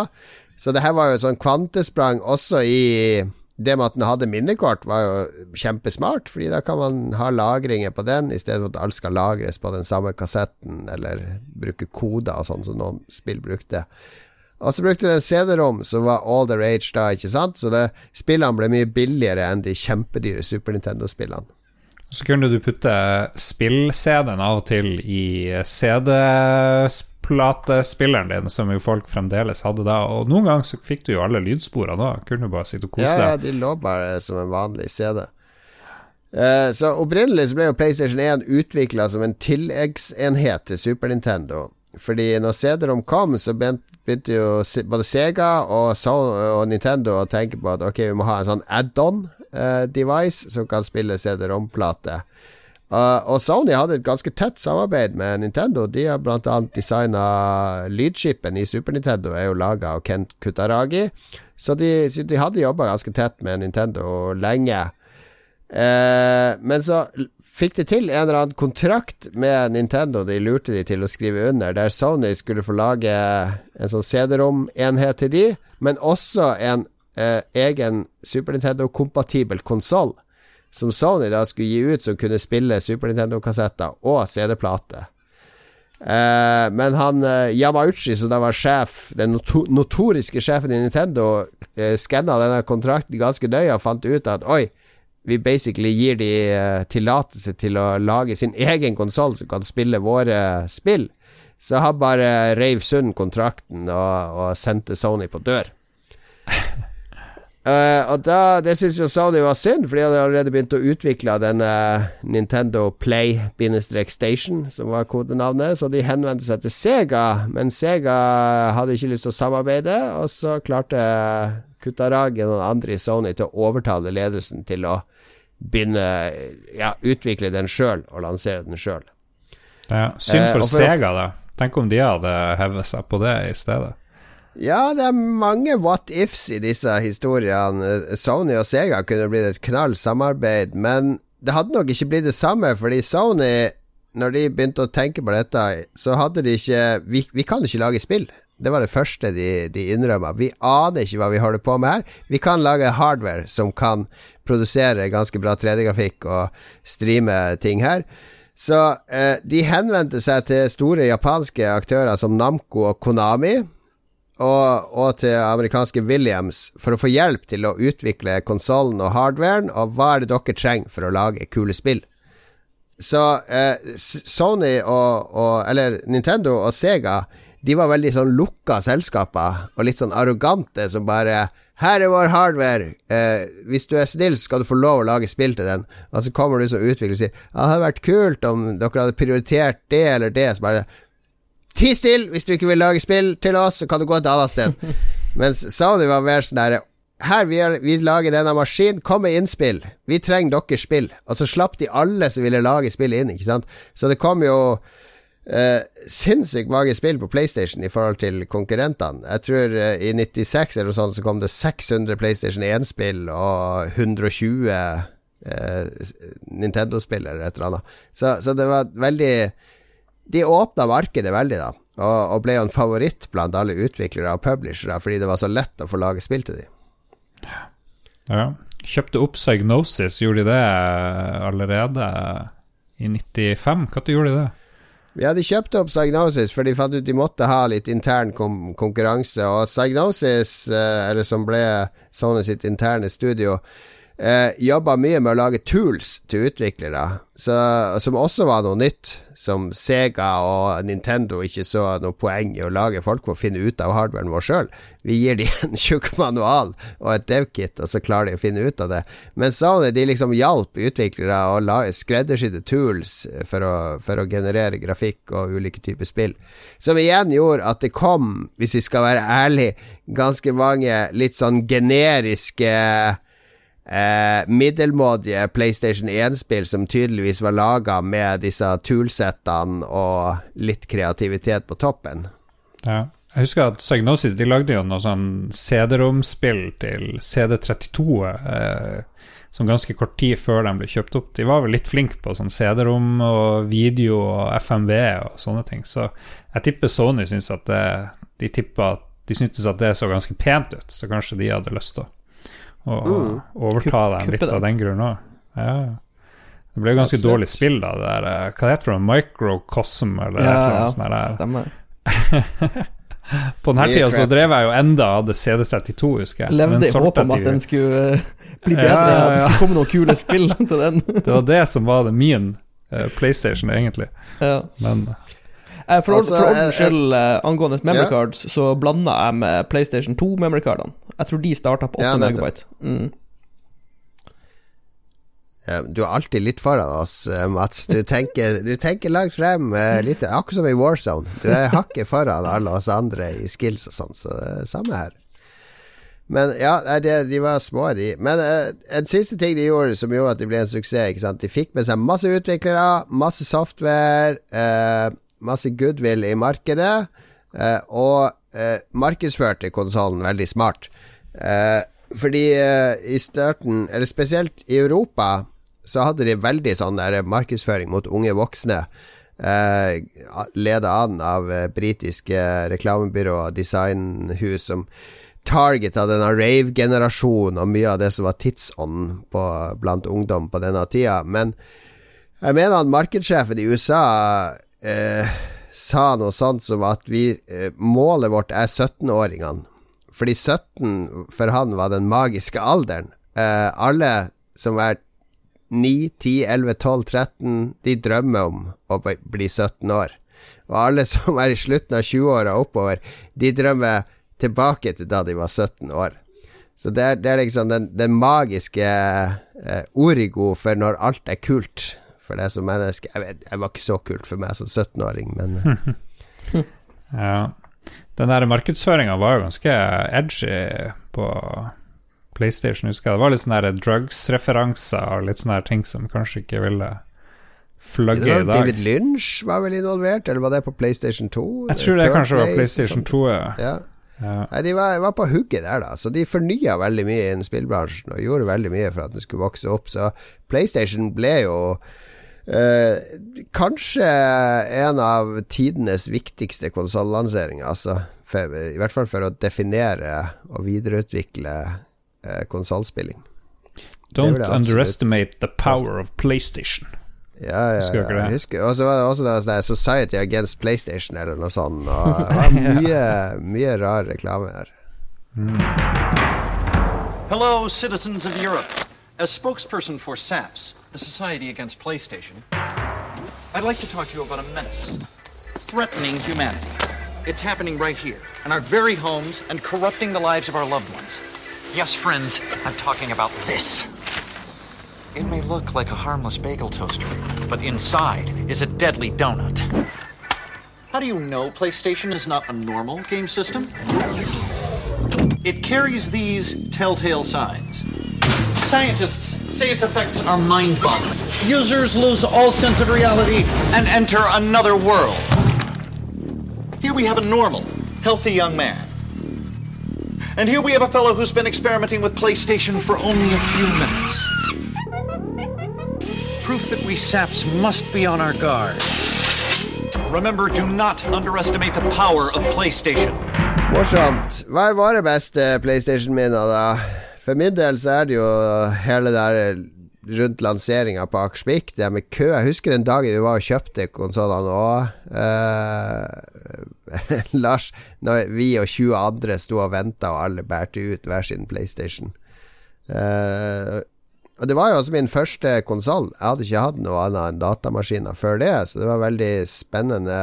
Det som skjedde med meg da, var jo at jeg ble et halvt år etter den kom, var jeg så skuffa over spillutvalget, fordi det var jo Da var det så mye søppelspill. Tunnel B1 og sånne der eh, ræva eh, Tools-baserte spill. Så da begynte jeg å kjøpe da, da kjøpte jeg Super Nintendo, for da skulle jeg oppdage Utforske alle Super Nintendo-klassikerne. Men det var liksom for meg var det åpninga inn i konsollverden. Ja. Nei, de spillene Jeg vet ikke, jeg husker de der første spillene. De der eh, 3D-verdenene som åpna seg, og uansett hvor dårlige de spillene var, så var det jo magisk. Selv det der fredelige Battle Arena Toshinden var jo en sånn åpenbaring, egentlig. Hvor vi prøvde Ja, ja, ja. å pause og se under skjørtene på de her damene damene og sånn her. Sofie, Sofita, Sofitia, var det ikke det, vet du? Ja, det er vel. Ja, Soul Calibur. Ja, Sofitia er Soul Caliber. Calibur. Jeg husker ikke hva hun het, men ja, det var en ting. Og bare, det kom jo en sånn demodisk med, med den der dinosauren, husker dere det? Ja, En sånn der uh, greie. Åh, nei, det var magisk. Bare at det var 3D. Så Men jeg, noe Ja, jeg og likte det var veldig jo veldig bra 3D, og i ett år så var det den beste 3D-grafikken i verden. For det var, det var før 3DFX mm. og Voodoo og sånne type kort kom til PC. Og jeg husker eh, Wipeout kom jo på PC et halvt år eller noe sånt etter det kom på PlayStation, før det første 3D-kortet var der. Og da så jeg, var jeg på Spaceworld, og da kjørte de Wipeout på en PC der uten 3D-akselerasjon. Og det var bare sånn der uh, hakkefest av dimensjoner. Det var ti frames i sekundet. Og det bare så så, så så utrolig dårlig ut. Og vi bare sto der Å, vi har PlayStation! eh, PC kommer aldri til å ta igjen det her. Og så kom det første 3DFX-kortet, så bare Ja, det var den PlayStation. det var det. Nei, mine, mine beste PlayStation-minner, altså PlayStation 1-minner, er faktisk eh, nede i kjelleren til han eh, Lars og lillebroren hans. For jeg hadde, jeg hadde aldri PlayStation 1. Min første PlayStation-konsoll var toeren. Men jeg har spilt mye PlayStation, da. Ved, Du, du var en av de få sånn. som, uh, som debuterte i toeren. Det er ikke så mange. Så. Ok. Litt, litt sånn rølpehumor. Jeg husker, jeg, husker um, jeg, jeg har spilt Jeg tror jeg har spilt gjennom uh, hele Oddworld, Abes Odyssey, alene. Uh, Ja, mer eller mindre. klassiker, Det var uh, kult. Mm. Og så Jo, mye for det kom, Wipeout. det kom litt Alt var ikke 3D, liksom, heller. Ja, og dette, dette er jo spill som kom året etterpå, som Jon Cato sier. Uh, jeg tror Abes Odyssey Mm. er 96. Det i hvert fall ikke første året, for det, det, tok, litt, det tok litt tid før kvalitetsspillene begynte å komme. Ja, Gear sånn er det med alle og konsoller, at det kommer de der lanseringstitlene der det er et par kule, og så er det sånn ganske dødt i et år, fordi folk trenger liksom tid til å lage Det kommer masse sånn crap det Mm. første året, og så kommer den nye, neste bølgen med, eh, med storspill. Jeg likte at det kom litt sånne rare At det, kom, det var rom for sånne ikke Nå er det jo mye trippel A-fokus og sånt, for i hvert fall en, en periode så er det det. Men det kom mye sånne halv Dere sier dritspill og sånn, men det kom jo mye sånn originale ting. For det var vel så lett å lage spill at du kunne lage noe veldig original, sånn som det er Vib Ribbon. Som bare er en sånn polygonkanin som går og hopper, og så ja, ja, ja. Var, skal du trykke på høyt trekaren, takhøyde for å eksperimentere. Ja, så det var jo kjempeenkelt gameplay. Men musikken der, fy fader, det, er ikke så mange spill som har bedre lydspor enn Vib Ribbon. Så det anbefaler jeg folk å sjekke ut. jeg husker jo veldig godt Jumping Flash var jo et ganske sært spill. Det, hvis du går på fakken til det spillet på Gamefax, så finner du navnet mitt i den fakken, for jeg har bidratt til Jumping Flash-fakken. Mm. Eller var- FAQ, som det heter. Og så kom vel en sånn horribelt legg i tekken. Det har vi jo glemt å nevne, at vi, vi fikk jo sånn pallutgave av ting. Ja, Ja, det var stemmer. også en stor issue på denne tida, fordi vi levde jo i en sånn illusjon om at vi fikk det samme som de hadde i resten av verden, men så hadde vi jo annet TV-system i Europa, og, eh, og, og signalene var jo ikke da digitale, sånn som de er nå med HDMI. Så at eh, de måtte sende ut eh, Altså, bildeoppdateringa var mye lavere. Altså fikk du sånne svarte streker opp og nede fordi du hadde høyere oppløsning på PAL-skjermene. Så hvis de ikke optimaliserte spillene for PAL, altså Europa, så ble det jo Du fikk mye dårligere spill. Og det husker jeg de første gang vi begynte å oppdage det, var jo når du spilte Tekken hjemme. Yes, det er skikkelig god, og så gikk vi på Spiderman på den arkademaskinen og bare Å, fy faen, det går mye fortere, jo. Det er noe rart. Og så sammenligna vi hjemme. Og det husker jeg også på Super Mario 64, når det kom på Nintendo 64. Så i, på Akersvik, når jeg jobba der da, så satt vi den japanske og den europeiske opp ved siden av hverandre. Starta spillet helt likt, så var det om å gjøre å løpe inn i slottet først. Du hadde ikke sjans til å klare det på den europeiske. Vi løp, gjorde akkurat det samme, løp helt likt. Det var bare så Mario i sirup. Og det er umulig, Når du først har sett det, så er det jo nesten umulig å spille PAL-versjonen av det etterpå. Det blir bare irritert. Du fikk jo noen sånne borders òg, var det ikke det? De skvisa skjermen.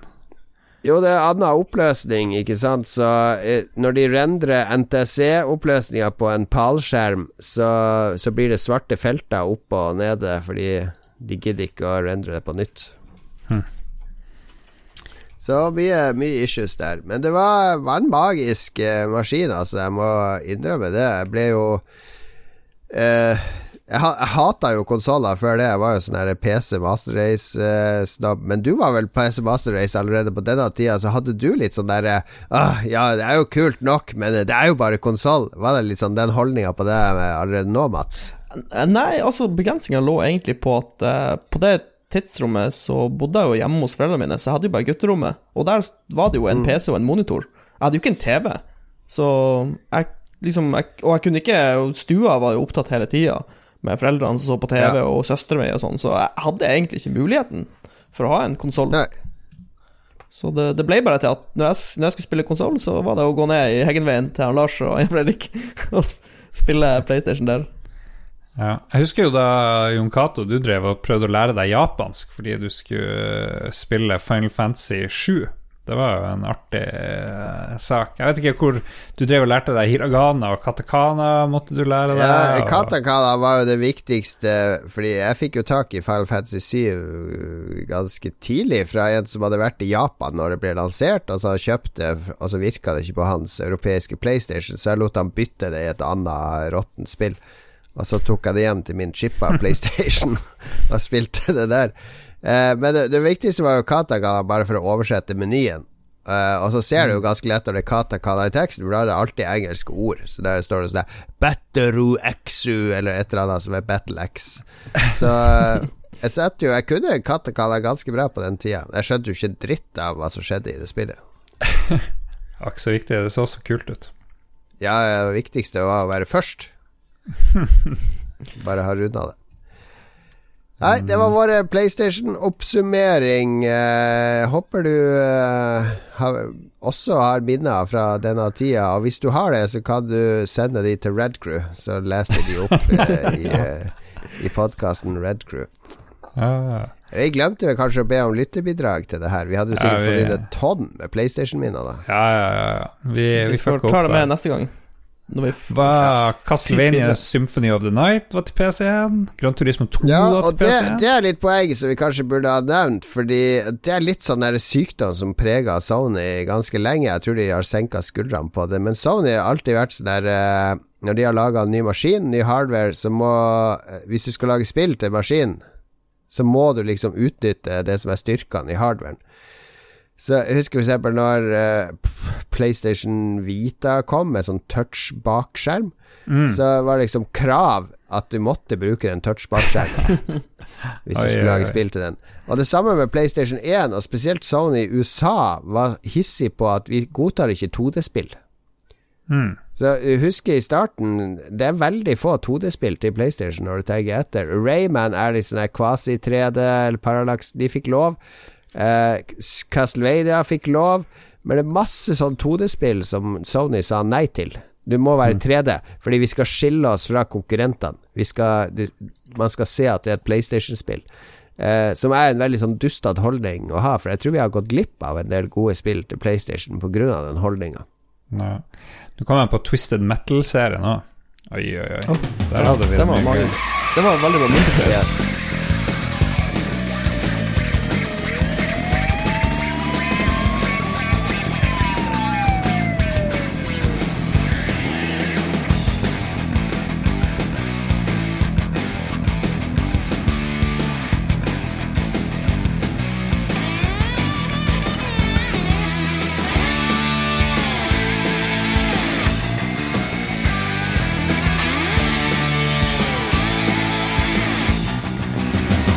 Ok, vi må ta med anbefalinga. Den er med hver gang.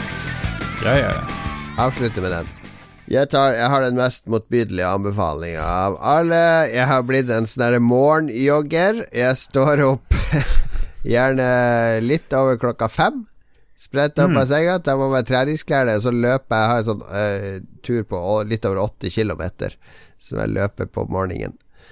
Eh, fordi da er det ingen folk ute, sola kommer opp, fuglene kvitrer, det er den derre sommerdag i Ebbing-følelsen i Oslo. Så det er den beste tida å jogge på. Dusje.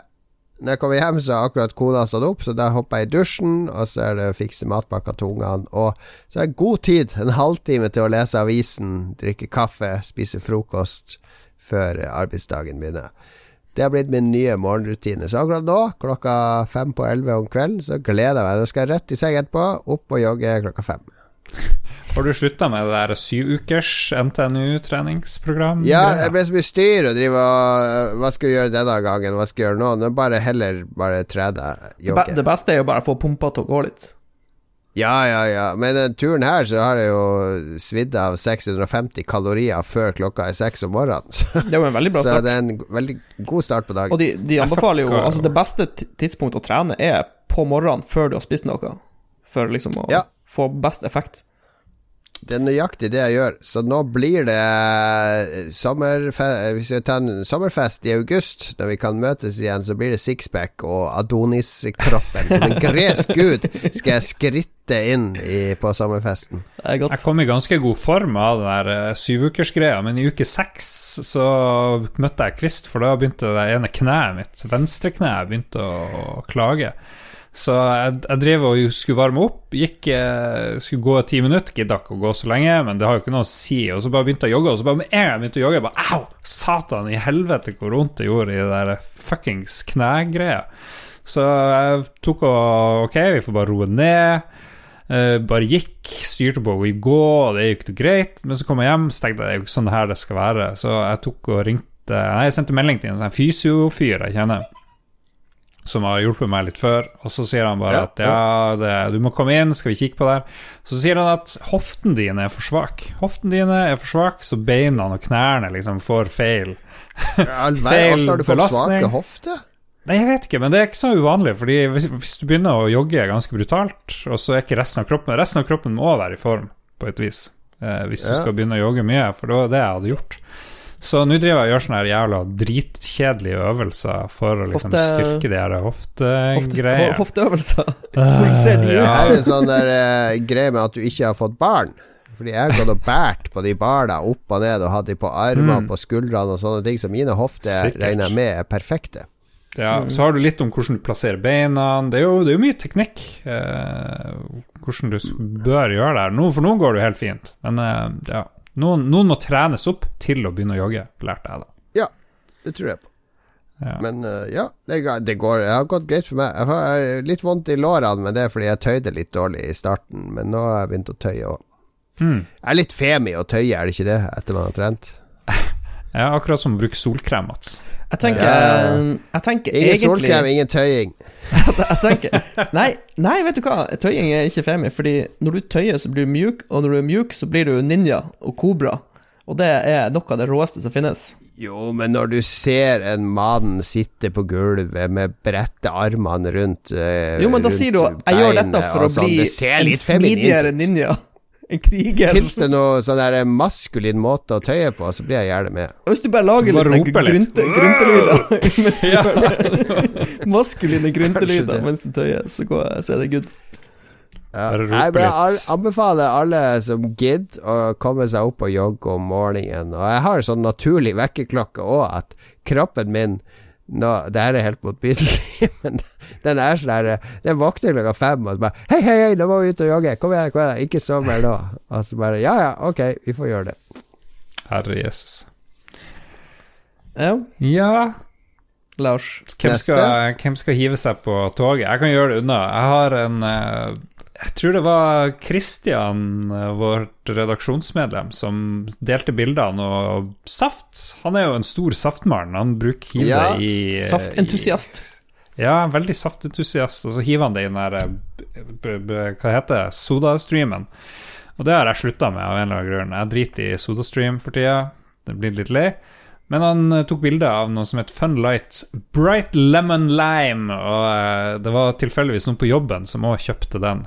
Så da fikk jeg testa det, og det smaker ganske likt sånn 7up eller Sprite-greier. og det er åpenbart at logoen prøver å herme med det, for det er sånn gult og grønt og sånn, Det ser veldig Sprite ut. Gult og grønt som i lime og lemon. Ja, nettopp.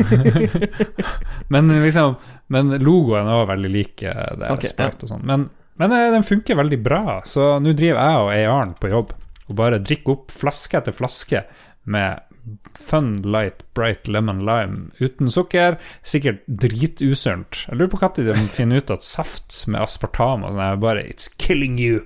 Men uh, enn så lenge så elsker jeg det. Jeg bare drikker det hele tida. Mm, mm. Du skal jo dø om en 20 års tid uansett, så drikk på.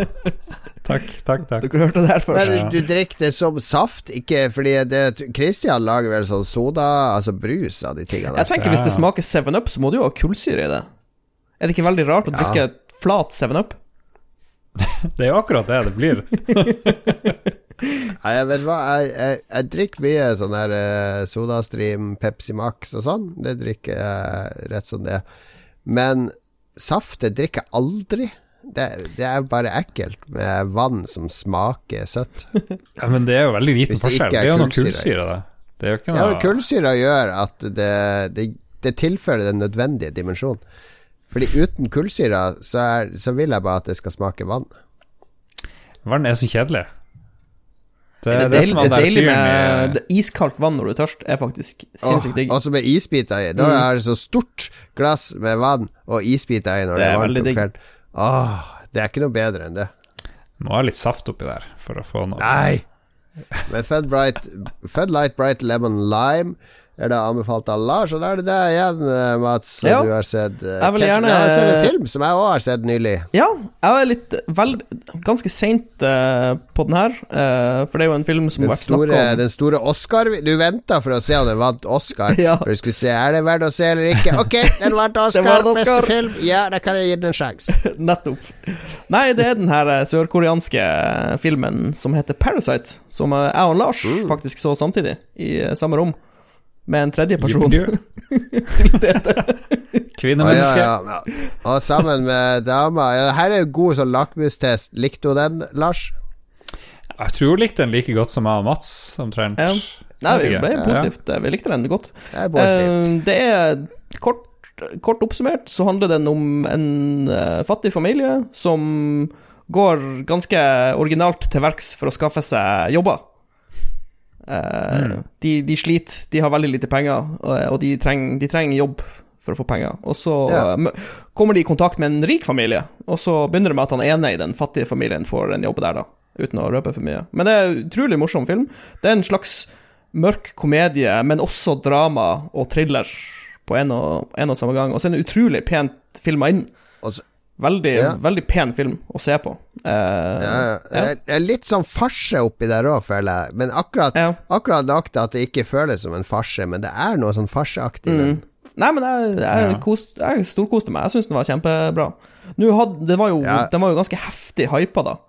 Uh, så jeg forventa jo sikkert uh, litt for mye, på en måte. Men jeg syns den leverte veldig, veldig godt. Ja, jeg er litt enig. Ja, Den, den hypen ble ikke helt innfridd. Uh, Nei, meg. men den, hypen, var, u, var, hypen var umulig, for den har vært snakka om så mye. Men det, det er en solid film. Veldig bra film. ja, Hvis jeg hadde sett den uten å visst noe om den, så hadde jeg tenkt faen, det her er jo den mest geniale driten Mm. ever. For den, er, den, har dere ikke fått med dere all den hypen, da? den ble jo Oscar og har vært sånn Å, Ja, beste snakket, film i fjor. den har vært snakka så mye om det, Men det som er litt irriterende Danser med ulver vant òg Oscar, da, for guds Jo, men det har vært, det, den har vært snakka om mye før Oscar også, og så har jeg hatt den liksom Jeg har hatt lyst Jeg hadde lyst til å se den veldig lenge, men det har vært veldig vanskelig å få sett den. For den er jo, det er jo ganske nylig den dukka opp på sånne streamingtjenester. Ja, Så jeg skulle er ønske, jeg, ønske jeg kunne med- se den før uh, alt snakket om den. Det er jeg helt enig i, og det fatter og begriper jeg ikke hvorfor vi ikke kan se, fordi den filmen er jo nå eldgammel. Mm. Ja, det er jo en Altså, gammel, jo det er jo ikke en ny film. Snart, snart to år gammel. Den kom opprinnelig ut. Det er jo bare å få det ut og tilgjengelig, men nei. Spesielt disse Oscar-filmene, altså disse Oscar-kandidatene som er litt sånn indie-filmer eller alternative eller fremmedspråklige. Mm. De sitter, disse selskapene, og knuger på på et sånt lager, og så venter de med å sette de opp på kino til de blir Oscar-nominert. Mm. Så de kunne satt denne opp på kino i Norge i fjor høst, og så slipper den digitalt til jul. Ja. Men nei, de skal vente, for de skal ha den der Oscar-effekten som skal drive folk inn på kinoen. Så da blir vi, som ikke orker å gå på kino, men, men som heller vil sitte hjemme og se film, vi blir skadelidende. Det her- Nå hører jeg, det, jeg på meg sjøl at det er, det er verdens største Nei, men, men uh, jeg syns det er et godt poeng. Men heldigvis så tror jeg at uh, denne pandemien vi har vært gjennom, kan faktisk eh, fremskynde streamingprosessen. Jeg tror at, eller jeg håper i hvert fall, at filmer blir mer tilgjengelig på streaming. Jeg håper òg det, og spesielt de så smale, for det er jo de jeg er mest interessert i. Sånn som nå går jeg og gleder meg stort til neste uke, for da skal jeg endelig få sett The Lighthouse, som er den der med han Robert Pattison og Willem Dafoe, som jeg har gleda meg så stort til, og som masse folk jeg kjenner har sett på kino for et halvt år siden, og som jeg bare har styrt unna alt mulig av spoilers, men, men den også har vært tilgjengelig på iTunes i USA i snart et år. Altså gått og venta og venta og venta her. Han Eggers, Robert Eggers. Jeg hører at han dør på slutten. Vi må, vi må, se, vi må se den, Lars. Ja, jeg vet ingenting om den. Uh, men nå er det jo et halvt år, eller jeg vet ikke, tre måneder snart, hvor det ikke har vært noen premierefilmer, store filmer. Så det bare lage, lage seg sånn enorm kø. Og det, er jo, det kommer jo til å vare en stund. Mange av de det har jo kommet digitalt, da. Netflix har også begynt å kjøpe premiereklare filmer. Og Apple kjøpte jo nå den der nye krigsfilmen til Tom Hanks, så den er plutselig blitt en sånn Apple TV pluss-eksklusiv storfilm. Oi. Så, så det er en god del som har kommet eh, lansert digitalt i denne tida. Men de har Netflix jo prøvd seg med sånn der at du må leie den for 200 kroner og sånn. Eh, Ganske slibrig. Ja, ja. Ja, men det er, er ikke det greit? Hvis den nye James Bond-filmen hadde kommet digitalt, så kunne jo dere vært fire stykk samla og betalt 200 kroner for å se den. ja. I stedet for å gå på kino og betale 1000 spenn til sammen for å se den med litt kinogodt. Jo, hvis du, hvis du er flere, så er jeg enig, men hvis du bare er én fyr som skal se den og streame, så er kanskje 200 litt stivt. Jeg vet ikke. ja, men det er jo ikke mer enn det koster på kino. Nei, Litt mer. litt mer. Ja. Vi trenger en sånn ny ID-teknologi, at når du ser film, så tar du betalt per hode. Per hode i stua. Ja. Ja, Det kamera som meg, det har, de, det har de garantert forska på i disse tider. Vi blir å sitte hjemme var- med sånne papirposer på hodet for å omgå den eh, copy protection. alle, alle må si en sånn aktiveringskode for å gjenkjenne stemmen. Tvillinger Helt kan se filmer på flere enheter, de ikke bare sjekke inn med ansiktet sitt. Jeg tror det er samme person som er i det. Ok, vi skal avslutte. Nå begynner det å bli litt tynn, tynn suppe. Det blir lite spiker igjen i suppa her. Uh, det var tre anbefalinger der, altså. Jogge før seks om morgenen. Altså Når du kommer hjem, så drikker du en liter med Fun Light Bright Lemon Lime for å få tilbake væske. Altså, så kler du på deg, dusjer, kler på deg, setter deg ned og ser filmen Parasite, hvis du ikke har sett den ennå. Uh, for øvrig også en veldig bra Kiss-låt, Parasite. En av de beste Kiss-låtene. Vi er ved veis ende. Vi må takke våre produsenter, Mats. Ja, da vil jeg gjerne takke Anne Beth, Kobrakar84, også kjent som Kenneth, Jaha. TTMXMP, og Rolf uh -huh. Helge Ingebrigtsen, også kjent som Rorufu. Rufu. Vi har fått ganske mange nye patrons de siste uka, eller de siste dagene. Jeg tror det er eh, fem-seks nye som har slengt seg på. Det tror jeg i stor grad skyldes Spillrevyen, som har et veldig bra momentum nå. Det er en annen podkast som jeg og Lars lager. Der vi kun tar for oss spillnyheter, og nå i siste episode så er det faktisk utelukkende norske nyheter som handler om Rune, Rune og Rune. ja.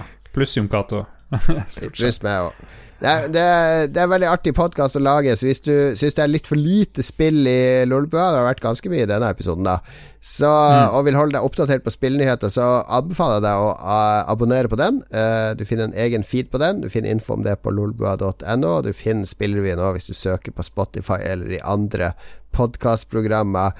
Uh, den er ganske seriøs i forhold til hva vi lager her, da. Ja, nei, jeg er veldig fornøyd Ja, veldig- den veldig bra. siste, siste episoden der. Det var en høydere. Ja, så sjekk ut den, er du snill. Og jeg tror flere av de som er inne på Patrion nå, har kommet dit via Spillrevyen fordi de vil støtte den. Så det setter vi veldig pris på. Yes. Ok, da gjenstår det bare å si takk for denne gangen. Neste gang vi snakkes, så er det juni, faktisk, og det begynner å nærme seg sommer. Og jeg føler på meg Jeg vet, jeg kan erklære her og nå at neste episode blir sommerfest spesial. Det skal handle om sommerfester og spill tematiske sommerfester. Vi høres neste uke. Ha det bra. Ha det. Hei da.